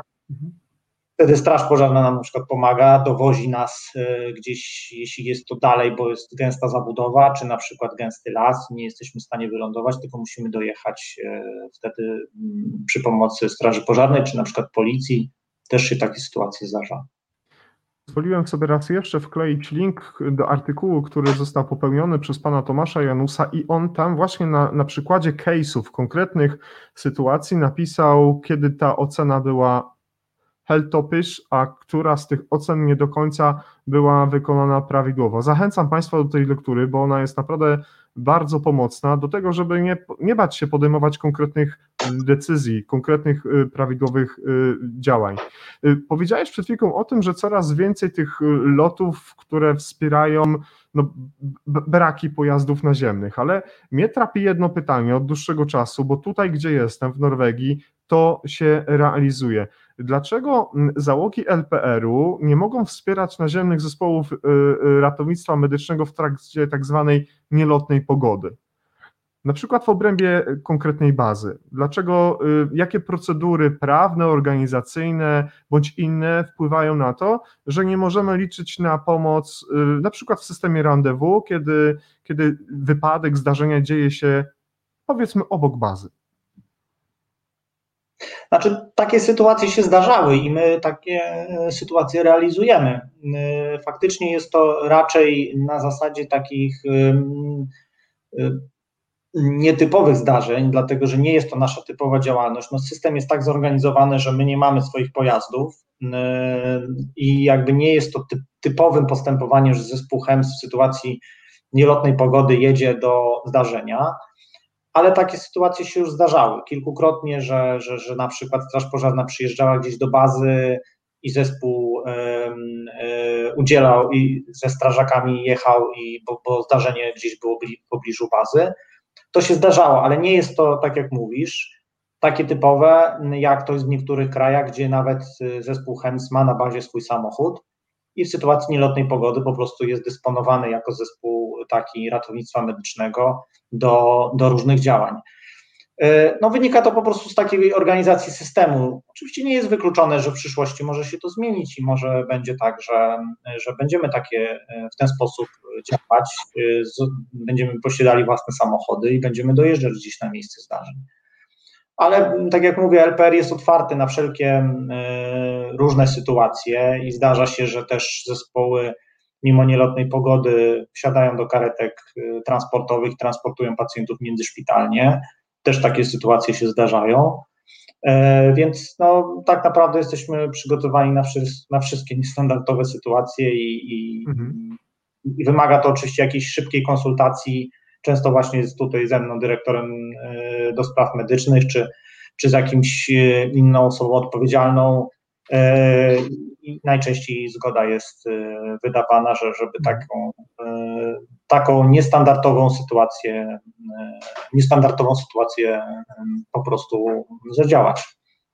Nasz kolega, który jest naszym kolegą redakcyjnym i, i, kolegą, który jest po fachu, bo jest to medyk, który pracuje dla NHS-u, Michał Czerwiński, pozdrawiam Cię Michale, napisał, że lądowe wsparcie HEMS-u w czasie nielotnej pogody to w Wielkiej Brytanii standardowa procedura. I tak jak ja to powiedziałem przed chwilą, tu gdzie ja pracuję, tu gdzie funkcjonuję, to rzeczywiście środek transportu w bazie lotniczej stoi i w momencie, kiedy nie ma możliwości zadysponowania statku powietrznego, wtedy pilot oczekuje w miejscu, gdzie jest, a paramedyk y, y, z lekarzem wsiadają do swojego samochodu i 20 minut, tak się przyjęło, drogi y, kołowej od bazy mogą się poruszyć, żeby wesprzeć ten zespół na zasadzie rendezvous, jeżeli jest taka potrzeba i dzieje się to bardzo często tutaj, tak więc to takie, żeśmy się podzielili troszeczkę takimi rzeczami, które są tak, gdzieś. Wiemy, jakby wie, wiemy, że tak jest y, w innych krajach i y, no, mówię, no na razie to w kraju jest tak zorganizowane, nie, nie jest powiedziane, że w przyszłości może będzie inaczej. Mhm. Wróćmy do pytań do naszych, od naszych widzów, bo one są najciekawsze. Pan Karol y, Kubicki y, zadaje pytanie, na co zwrócić szczególną uwagę przygotowując się do pracy y, w LPR jako Czach i które dziedziny medycyny są szczególnie ważne, aby przejść testy wstępne, a wiemy, że część teoretyczna jest no, bardzo skomplikowana. Y, no wiem, że konkurencja, ja powiem szczerze, że to chyba pytanie bardziej do, do jakiegoś Czacha niż do mnie, ponieważ ja, y, y, znaczy ja jako tutaj zastępca dyrektora do spraw medycznych odpowiadam jakby za pion lekarzy i jakby nie znam szczegółów, jeśli chodzi o rekrutację ratowników na stanowisko Czacha.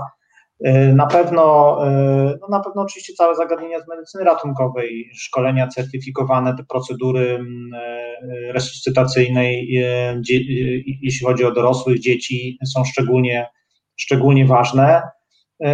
No konkurencja jest dosyć duża, było z tego co naprawdę jest sporo chętnych na jedno miejsce, ale jeśli chodzi o szczegóły no to chyba, tak jak tu mówiłeś, może będzie możliwość zapro, zaproszenia Czacha, to może on więcej powie o, o tym, jak mhm. przechodził te procedury i, i, i w jaki sposób jakby udało mu się zacząć pracę w LPR. Tak, drodzy Państwo, troszkę żeśmy knuli z doktorem Adamem, a może by się udało zaprosić później Czacha, e, może nawet pana pilota, a może jeszcze później kogoś, żeby rozłożyć na czynniki pierwsze, może nie e, statek powietrzny Eurocopter, bo lepiej go nie rozkręcać, ale tą e, te, te, tematykę stricte teoretyczną, jak to wygląda. Jest z nami Tomek Janus. Tomek, może napisz kilka słów na ten temat, bo myślę, że to też jest szczególnie pytanie do, do, do, do ciebie. Tak więc będzie, będzie nam ogromnie miło, jeżeli przeprowadzisz takie fajne moderowanie tej, tej rozmowy. Pan Aleksander Kondrat. Y, pan, tak, Tomasz będzie wiedział. Pan Aleksander Kondratowicz napisał: y, Jako ratownik i lekarz TOPR, jakie widzi pan zastępstwo za śmigłowca Sokół po jego wycofaniu? Czy śmigłowce z floty, jakie posiada LPR, czy może jakieś inne? I drugie pytanie, jeśli można, czy planuje się reaktywację LPR, y, bazy LPR w Zakopanem. Pozdrawiam z Podhala. Hej ho, tak bym dodał. Y, jeśli chodzi o pierwsze pytanie, to y, z tego co mam informację, rozmawiałem z, z naczelnikiem jakiś czas temu. No, śmigłowiec Soku, oczywiście w zależności od tego, ile godzin będzie jeszcze, ile godzin będzie musiał wylatać, to ten czas, y, który będzie latał, to jest prawdopodobnie między 8 a 10 lat. E, lotnicze pogotowie, znaczy TOP przymierzał się, oglądał śmigłowce na ostatnim kongresie ratownictwa górskiego IKAR, który, który w 2019 roku odbył się w Zakopanem. Tam były trzy śmigłowce do dyspozycji, e, taki przyleciały, można było je obejrzeć i było to firmy Leonardo AW169 i był, był to Airbus Helicopters H145. E, potencjalnie e, prawdopodobnie któryś z tych śmigłowców, ale to, to naprawdę na razie jest taka rozmowa bardzo ogólna i, i to jest jeszcze temat który mm, e, jest już oczywiście rozważany, bo, zakup śmigłowca no, to jest proces kilkuletni i, i to trzeba, mm, i to trzeba e, przygotować wcześniej, ale to jeszcze się może wiele razy zmienić i, i, i może jaka będzie koncepcja dalej, trudno mi powiedzieć. E, czy planuje się reaktywację bazy LPR w Zakopanem? Ja nie mam takich informacji. Na razie LPR posiada swój, znaczy na razie TOP, przepraszam, posiada swój własny śmigłowiec, nim realizuje e, loty. E, baza jest jakby w tym momencie e, pod jurysdykcją TOPR-u i nie mam żadnych informacji na ten temat, żeby, żeby miało dojść do jakiejś reaktywacji. A co będzie za 10 lat, to, to nie wiadomo.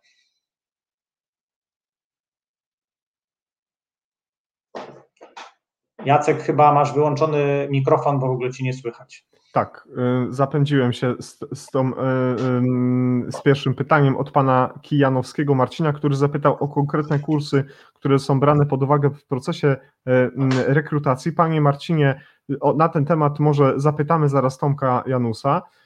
Ale to drugie pytanie jest bardzo ciekawe. To jest bardzo ciekawe pytanie, bo te pytania od widzów są najciekawsze.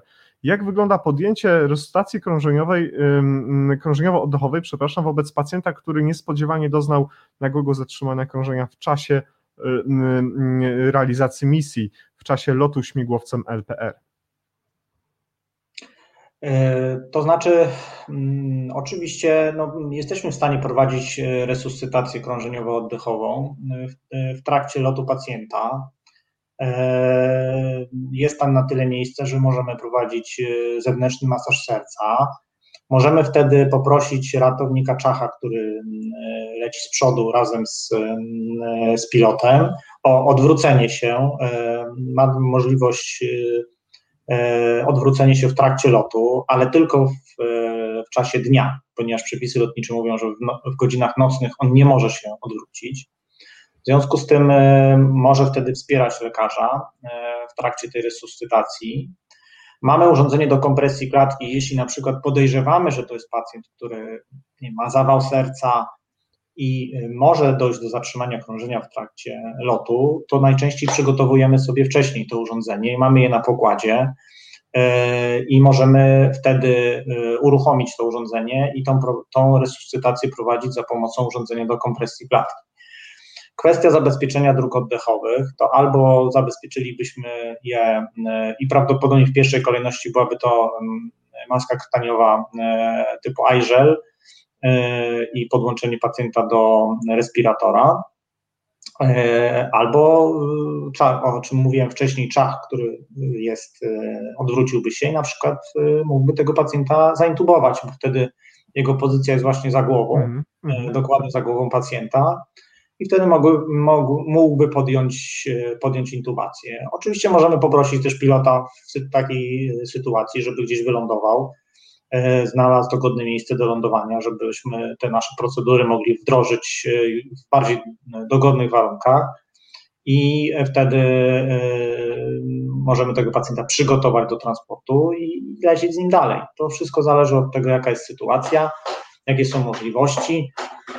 E, jaki jest czas dolotu do, do szpitala, bo jeśli się okazuje, że to jest bardzo mało, na przykład 2, 3, 4 minuty, e, to, no to większą korzyść będzie z tego, że, że będziemy prowadzili tą resuscytację na pokładzie i dolecimy szybko na e, lądowisko i tam zaczniemy już tego pacjenta zabezpieczać, niż szukanie w tym momencie miejsca do lądowania, bo, bo to wydłużyłoby czas dotarcia do szpitala, gdzie ten pacjent oczywiście szanse ma większe na, na na wyleczenie. Panie Marcinie, świetne pytanie. Uprzejmie Panu za nie dziękujemy y, i bardzo się cieszymy, że jest Pan z nami. Zdaje się, że chyba też niekoniecznie dzisiaj pierwszy raz. Chyba już Pana widziałem tutaj pośród naszych y, widzów Nuris Tryget, którzy nas oglądają i którzy nas słuchają. Tutaj miałem takie pytanie. Ono jest kontrowersyjne, ono jest trudne i ono może, y, może się posypać tutaj grom na mnie albo, albo, albo w ogóle. Mm, ale ja je zadam, bo ja lubię trochę pod prąd i trochę w ogóle tak o. Czy zgodzisz się ze stwierdzeniem, że załoga LPR bardzo często przylatuje na gotowo po pacjenta i wasza praca ogranicza się do szybkiego przekazania pacjenta, no bo macie tą maszynę, która ma tych koni mechanicznych dużo, latacie wy w miarę wysoko, no i też szybko. Tak. Często tak jest, że, że przylatujemy do pacjenta, który jest przygotowany do transportu. Ma, y, są to pacjenci, którzy wymagają szybkiego transportu do szpitala na dalszą odległość do ośrodków specjalistycznych, na przykład y, pacjent ze świeżym udarem czy z ostrym zespołem wieńcowym. Zespół świetnie go przygotuje do transportu. My przylatujemy w zasadzie, tylko przełączamy swoje monitorowanie, zbadamy pacjenta, zabieramy go na pokład i, i nasz tym udział y, no, taki w przygotowaniu tego pacjenta do transportu jest niewielki, ale to no, taka nasza specyfika czasem. Czyli głowy się nie posypią, nikt nikogo nie zetnie, bardzo bardzo się cieszę, bo ki kilka razy gdzieś w różnych dyskusjach właśnie było coś na zasadzie przewagi świąt Wielkiej Nocy nad Bożonarodzeniowymi, ale mówię, będzie kiedyś okazja, zadam, zadam to pytanie. Wcześniej mówiliśmy o tym, że L LPR rozwija się intensywnie, jest to taka masa półpłynna, bym powiedział, która stara się dopasować do nowych wyzwań, do nowych możliwości. No i właśnie, mm, jakie zaawansowane technologie medyczne należy mm, wyposażyć w takich pięknych y, samolotach odrzutowych, które LPR chce w przyszłości wprowadzić do służby. Y, ten słynny Learjet 75, który nie wiem jeszcze kiedy, ale może niebawem wejdzie do, do tej służby. Jak to wygląda właśnie czy taki postęp, ogromny postęp w, w, w tego typu statkach powietrznych niesie z sobą jeszcze większe możliwości technologiczne, jeśli chodzi o czynności medyczne nad pacjentem? To znaczy, my na ten moment w lotniczym pogotowiu w zasadzie mamy wszystkie możliwości medyczne, którymi możemy dysponować, tak mhm. mi się wydaje, które jakby też są jakby pewnym wyważeniem rzeczy, które możemy robić, które niosą potencjalne korzyści. E, w samolotach Learjet e, no, będziemy mieli na pewno pewne możliwości, pewną techniczne ułatwienia. Po pierwsze będziemy mieli dwa stanowiska i, i na przykład będziemy mogli jednocześnie wozić stanowisko dla osoby dorosłej i inkubator dla, dla noworodka, co ułatwi nam organizacyjnie, że jak na przykład polecimy z jednego miasta do drugiego, to nie będziemy musieli porzucać tego inkubatora, żeby wziąć pacjenta dorosłego, tak. albo wracać się do Warszawy, żeby ten inkubator zabrać i lecieć znowu gdzieś do innego miasta. To nam na przykład, to nam na pewno ułatwi. Będziemy mieli też dedykowane dedykowany uchwyt do e, urządzenia ECMO typu CardioHelp, gdzie będziemy mogli pacjentów przetransportować w trakcie mm, wspomagania e, zewnętrznego krążenia. E, w tej chwili to też się odbywa, no tylko że nie będzie to, nie jest to, ten samolot nie jest jakby tak przygotowany, jak będzie ten, ten w przyszłości. Ma szersze drzwi, co na pewno ułatwi nam wkładanie i, i wyjmowanie pacjentów. Ma monitorowanie jakby więcej niż jednego stanowiska. W takiej sytuacji już kryzysowej możemy wziąć nawet trzech pacjentów e, na pokład tego samolotu, takiej ewakuacyjnej na przykład, jeśli byłaby taka potrzeba. Ale jeśli chodzi o sprzęt medyczny, to jakby będzie zabudowany sprzęt, który już w tej chwili posiadamy obecnie, więc jakby tu nie będzie Mhm. My staramy się mieć w miarę ten sprzęt nowoczesny. Oczywiście on się starzeje i, i wymiana go nie jest, taka, nie jest tak łatwa jak na zwykłej karetce, gdzie wystarczy kupić uchwyt i, i urządzenie. U nas to wymaga y, ogromnej certyfikacji. Te uchwyty muszą mieć odpowiednie, spełniać odpowiednie normy, zostać wpisane do odpowiednich dokumentów y, i to wymaga po prostu y, masy, masy czasu i też jest niestety drogie. Mhm. Poza samym urządzeniem, no, sam uchwyt lotniczy też jest, jest po prostu drogi. A możemy, I... możemy wiedzieć, kiedy y, te y, statki powietrzne wejdą do służby, czy na tym etapie nie ma możliwości y, się prognozować nawet? Nie, no one, mogę powiedzieć, że na pewno wejdą, znaczy na pewno, prawdopodobnie wejdą w, drugim półroczu tego roku do, do służby. One już są na etapie końcowego y, montażu i prawdopodobnie w najbliższym, albo w przyszłym, albo w kolejnym miesiącu będzie y, z dużym prawdopodobieństwem odbiór y, pierwszego samolotu. Pięknie. Jeśli nie będzie jakichś opóźnień istotnych. Gratuluję, bo to są fantastyczne maszyny. Przygotowując się do spotkania z Tobą, przejrzałem specyfikacje, możliwości. Y, robi to świetne wrażenie i bardzo się cieszę, że LPR, polski LPR będzie miał taką, y, takie, takie maszyny. Y, powiedz mi, jakie z punktu widzenia ratownictwa medycznego, medycyny ratunkowej, intensywnej terapii, tych trzech dla nas najbardziej interesujących dziedzin medycyny, jakie LPR ma plany na przyszłość, jakie cele rozwojowe z punktu widzenia tych, tych trzech elementów wspaniałej wiedzy, jaką jest medycyna? To znaczy, e, na ten moment cele rozwojowe mamy takie, że, że jesteśmy na etapie wprowadzenia e, wideolaryngoskopów, które będziemy mieli na pokładach e, śmigłowców już w najbliższym czasie. One już zostały kupione i w tej chwili jest okres szkolenia załóg. Rozpoczął się niedawno. E, przygotowujemy też jakby już tutaj standaryzację, gdzie ten wideolaryngoskop e, będzie miał miejsce. Jesteśmy na etapie wprowadzania e, donosowej lekoterapii, którą też chcielibyśmy w najbliższym czasie wprowadzić, ponieważ ona się pojawia. Wydaje się, że, że ma, ma sporo korzyści w stosunku do do na przykład y, do odbytniczych y, podawania leków. I, i, droga podania jest też y, dosyć szybka i tutaj mamy sporo pacjentów, małych dzieci, gdzie, gdzie może to mieć dobry wpływ na, na szczególnie na początkowe leczenie takiego pacjenta. E, więc to są takie rzeczy, które, które wejdą, e, wejdą w najbliższym czasie.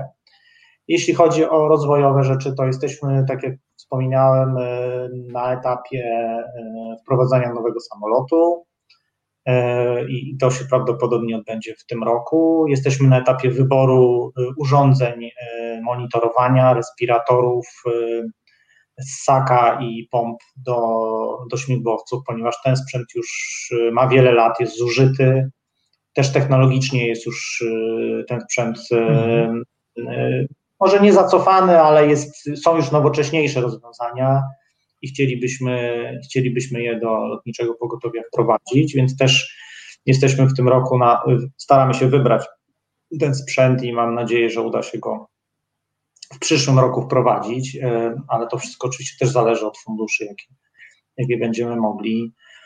E, no i to chyba z takich rzeczy e, najbliższych to tyle. Mhm. A tak jak mówię, śledzimy cały czas tutaj wiedzę medyczną i staramy się dostosować też do pandemii wielu, na wielu etapach i na wielu płaszczyznach, bo, bo to też też dużo przyniosło nowych rozwiązań, czy komory izolacyjne, transportowanie pacjentów i tak dalej, i tak dalej, więc to czas pokaże, co, mhm. jakie wyzwania przed nami. Podzieliłem się z Tobą informacją, wiedziałeś już dobrze, że norweski e, NLA e, pierwszą maszynę pięciołopatową już wyposażył swój, swój, swoją stację w Lorenskog życzę również, żeby w tym kierunku rozwój floty też poszedł, bo z tego co wiemy, to maszyna naprawdę mm, y, no, robi wrażenie, naprawdę jest świetna. Pozwolisz, że ostatnia seria pytań od naszych widzów i będziemy zbliżać się pomalutku do, do zakończenia naszego spotkania. Jest z nami pan doktor, prawdopodobnie tak odczytałem, pan Sebastian. Miał być dzisiaj z nami, jest to też stały widz, stały słuchacz, który, który, który bardzo chciał być, ale niestety y, zajęty jest y, pacjentami covidowymi szczególnie. Dziękuję za pańską pracę y, i nas na pewno po, pozdrawia i bardzo fajnie, że, że, że Pan z nami jest. Pan y, Marcin Kijanowski bardzo podziękował za odpowiedź, jaką uzyskał od Ciebie odnośnie RKO na, na pokładzie statku powietrznego. Za to również tu Pan y, y, Radosław Suchner napisał, używacie wtedy Lukasa, macie maszynę do kompresji klatki piersiowej i nie ma problemu, żeby Lukasa od, włączyć w trakcie misji, prawda? Mamy urządzenie Easy, Easy Pulse firmy Schiller. Okej, okay, czyli, ale mamy inne urządzenie, które spełnia, tak. spełnia to, to, to, to, zadanie. Tu ktoś potwierdził, yy, drogi Adamie, że bardzo fajny pomysł z tym zaproszeniem całych tutaj zastępów LPR-u do naszego programu, tak więc możemy, możemy już w tym momencie y, prowadzić zaawansowane rozmowy w tym kierunku. A jest pytanie od pana Szymona Kałwy. Jak reagują pacjenci na fakt, że będą transportowani śmigłowcem? Ci Muszę powiedzieć, że... no tak. Muszę powiedzieć, że raczej ze spokojem. E, rzadko się zdarza taka sytuacja, że albo są e, tak już w takim szoku całej tej sytuacji, która e, dosięgła ich zdrowia, że ja nie spotkałem się z jakąś taką sytuacją, żeby doszło do, do jakiejś czy odmowy, czy, czy jakiejś histerii na, na, na pokładzie statku powietrznego związanego z, z transportem, czy śmigłowcem, czy samolotem. Mhm. Raczej y, nie miałem tego typu. Ja osobiście historii, może ktoś inny z kolegów miał taką, y, choć wiem, że zdarzały się i dramatyczne sytuacje y, na pokładach śmigłowców, ale generalnie raczej ze spokojem. Znowu zachęcam do artykułu, który został popełniony przez pana e, Konrada Matyje, koordynatora, e, e, lekarza koordynującego w LPR-ze, który właśnie przedstawia specyfikę szczególnie pacjentów pediatrycznych, jakie ryzyko niesie z sobą w ogóle forma transportowania małego pacjenta, bo jak wiemy są ograniczenia miejscowe, w takim statku powietrznym nie ma za dużo miejsca i jak to wygląda prawnie. Zachęcam Państwa do, do tego, żeby zajrzeć do tej lektury, jest ona naprawdę bardzo fascynująca. E, pan Lee napisał do nas pytanie, jak jest z defibrylacją w trakcie lotu HEMS, jak to wygląda z punktu widzenia pewnie bezpieczeństwa, e, panie Adamie? Możemy ją wykonać. Możemy ją wykonać, dobrze. Czyli tutaj nie ma jakiejś dodatkowej procedury innej niż taka, którą wykonujemy. Informujemy o tym oczywiście. Cały czas y, na pokładzie jesteśmy w łączności między sobą, czyli jakby jak się coś dzieje, czy z tyłu, czy z przodu, e, to e, rozmawiamy ze sobą. I, e, i cały czas jesteśmy mm, ze sobą w kontakcie, więc czy pilot lekarza informuje o wszystkich sytuacjach, o tym, że na przykład musi wykonać unik przed ptakiem, co jest gwałtownym czasem przechyleniem śmigłowca i, i, i, to powoduje, no, że może coś tam się przesunąć z tyłu i jeśli zdąży powiedzieć, to, to też krzyknie ptak czy ja, jeśli wykonuję jakieś procedury, na przykład odpinam się z pasów, bo muszę e, coś zrobić przy pacjencie, to też mówię, że wypinam się z pasów i coś tam robię i wtedy też pilot, jeśli musiałby taki unik wykonać, to też wie o tym, że ja jestem odpięty w tym momencie. Mhm. Więc też ma to, ma to na, na względzie. Pytanie jest od pana y, Sylwka Bieli. Y, y, Biela, przepraszam, tak? Sylwek Biela zadał pytanie, czy podczas misji HEMS musicie dostać zgodę na lot, czy po prostu po procedurze startu wsiadacie i lecicie do poszkodowanych? To znaczy, to wszystko zależy od tego, gdzie zlokalizowana jest, gdzie zlokalizowana jest baza HEMS. Jeśli ona jest zlokalizowana na znaczy, generalnie Czach przyjmuje zlecenie i jakby my wtedy wykonujemy lot, ale po uruchomieniu, na przykład na lotnisku kontrolowanym, czyli na przykład tam, gdzie baza jest powiedzmy w, w Krakowie, czy, czy na przykład w Łodzi, e, pilot musi zgłosić, e, znaczy musi zgłosić wieży, że chce wystartować, musi uzyskać zgodę na start. Jeśli jest to lotnisko e, jeśli jest to baza HEMS, która jest zlokalizowana poza lotniskiem, no to on zgłasza się do, do e, po prostu do, do informacji takiej lotniczej, która w danym obszarze e, kontroluje i mówi, że wykonuje lot HEMS e, z tego do tego miejsca. Jeśli na przykład jest to, tak jak mówię, przykładowo w Warszawie startujemy z, też z takiego lotniska, który jest lotniskiem, który ma wieżę kontroli, dostajemy zgodę, ale chcemy przelecieć na przykład nad lotniskiem Okęcie, to jest duże lotnisko komunikacyjne, to musimy dostać zgodę od kontrolera lotu na, lotów na lotnisku na przelot, y, przecięcie osi pasa czy, czy przylecenie nad lotniskiem. Tą zgodę on, on, ma obowiązek tą zgodę wydać, bo jest to lot ratowniczy, i, e, ale oczywiście my musimy go o to poprosić, bo on musi tam przygotować odpowiednio samoloty, które lądują czy startują do tego, aby aby bezpiecznie nas przeprowadzić przez tą strefę kontrolowaną lotniska. Jest jedno pytanie, które pojawiło się raz Ale jeszcze. Tak, tak. Jest jeszcze jedno pytanie, które pojawiło się po raz drugi, zasłania nas teraz praktycznie, ale y, pan y, Dziobak bardzo prosił o odpowiedź. Pytanie zadane jest raz jeszcze. Panie doktorze, jestem strażakiem, a z wykształcenia ratownikiem medycznym. Coraz więcej odnotowuje się wyjazdów strażaków OSP i PSP do izolowanych zdarzeń medycznych z wiadomych przyczyn. Jak się Pan odnosi do wprowadzania leków i ich podaży przez strażaków z uprawnieniami ratowników medycznych, którzy akurat są przy interwencji? Chodzi mi tutaj o leki podawane na przykład podczas nagłego zatrzymania krążenia. No to jest, rozumiem, jakiś tutaj, rozumiem, że to jest problem jakby systemowy i problem w Państwowej Straży Pożarnej czy w Ochotniczych Strażach Pożarnych. No, ja rozumiem, że ratownik medyczny, który jest z wykształcenia ratownikiem i ma y, aktywne uprawnienia do tego, no mógłby tego typu leki podawać. Na pewno y, poprawiłoby to dostępność y, tutaj pomocy medycznej w takich nagłych sytuacjach, czy właśnie na nagłym zatrzymaniu krążenia, czy w leczeniu bólu u pacjentów po urazach. No ale to tutaj ja mogę wyrazić tylko i wyłącznie jakieś swoje własne zdanie, no bo to jest też to jest rozwiązanie pewne systemowe, które musiałoby tutaj w naszym kraju mhm. wejść. E, mi się wydaje, tak jak tutaj powiedziałem, że to na pewno poprawiłoby dostępność e, udzielania pomocy. I ostatnie pytanie od naszych widzów w tej serii. Drodzy Państwo, wszystkie pytania poprosiłem Adama, żeby po naszym spotkaniu mógł się do nich odnieść. Tak więc mamy nadzieję, że żadne z pytań nie zostanie pozostawione bez odpowiedzi. I tu jest pytanie, które znowu zadał Pan Szymon. Panie Szymonie, to jest też ważne pytanie z punktu widzenia bezpieczeństwa. Czy ratownik medyczny jest wyszkolony na pilotowanie śmigłowca w przypadku, gdyby pilot przykładowo zasłabł?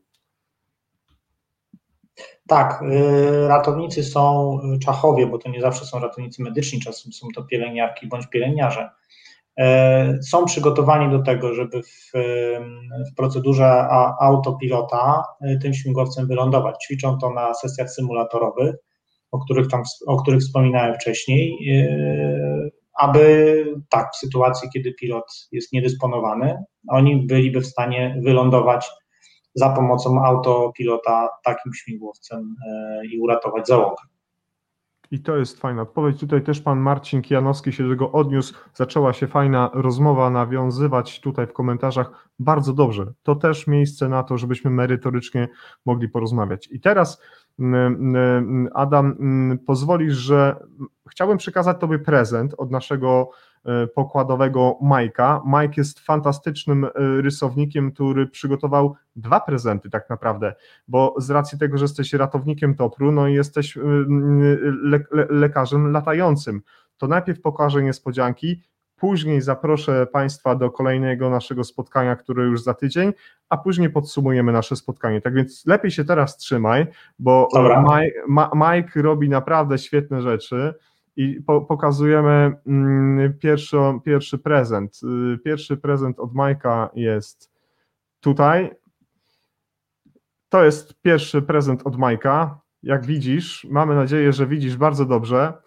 Y, drodzy Państwo, grafika pokazuje y, statek powietrzny typu Soku lecący nad grzbietami gór tatrzańskich, nad halą i widać bacek, który stoi i napisane jest z panocku, przez to latanie tych wariatów, doktorów, nawet łoscypki nie trzymają formy, a baca trzyma granat. I rzeczywiście to jest taki, taki przekaz, byłoby nam miło, gdybyś drogi Adamie taki plakat wydrukował i powiesił w odpowiednim miejscu w Toprze, to by byłoby fantastycznie, a drugi plakat, który został przygotowany przez naszego właśnie pokładowego mm, rysownika znajduje się mm, również tutaj. Już go chcę pokazać w, w, miarę, w, w, miarę sprawnie, chociaż nie jest to proste zadanie. Wierzcie mi Państwo, y, realizowanie audycji i pokazywanie tego wszystkiego w tej formie nie jest łatwe, ale wszystko się robi dla naszych widzów i słuchaczy. I to jest drugi plakat.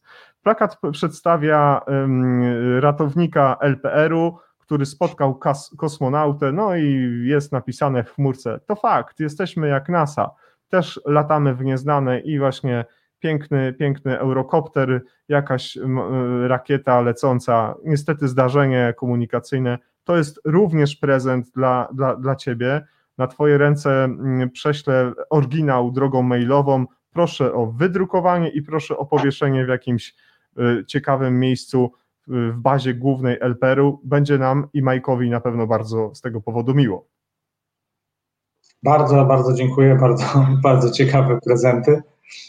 Ta, takie mamy. Nieczęsto, muszę powiedzieć, że nieczęsto lekarz anestezjolog dostaje e, prezenty, więc e, z tym, e,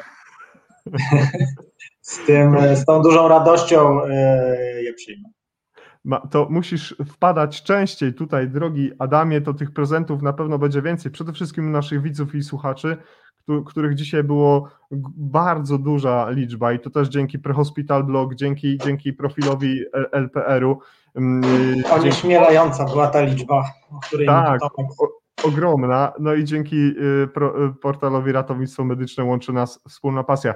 Drodzy Państwo, zanim y, Adam podsumuje nasze dzisiejsze spotkanie, ja zapraszam wszystkich Państwa bardzo serdecznie do tego, by dołączyć do nas już 29 marca, to ten temat też będzie mocno związany z dzisiejszą rozmową, bo porozmawiamy z panem Łukaszem Zboralskim z mm, portalu BRD24 o bezpieczeństwie w ruchu drogowym. Porozmawiamy o tych wszystkich mm, bardzo krytycznych zdarzeniach, jakie dzieją się na polskich drogach, europejskich drogach i światowych. Zastanowimy się, jakie są najczęstsze przypadki y, albo powody, dla których te wypadki drogowe się mm, dzieją i zastanowimy się wspólnie, wspólnie z Państwem, co należałoby zrobić, jakie przepisy zmienić albo jakich narzędzi użyć, by tych ludzi ginących w wypadkach komunikacyjnych rok w roku było jak najmniej. 29 czerwiec, e, wróć, marca, a ja już w wakacje, 29 marca, godzina 18, relacja na żywo na naszym facebookowym profilu. I jeżeli uznacie, drodzy Państwo, szczególnie po dzisiejszym odcinku, że zasługujemy na Państwa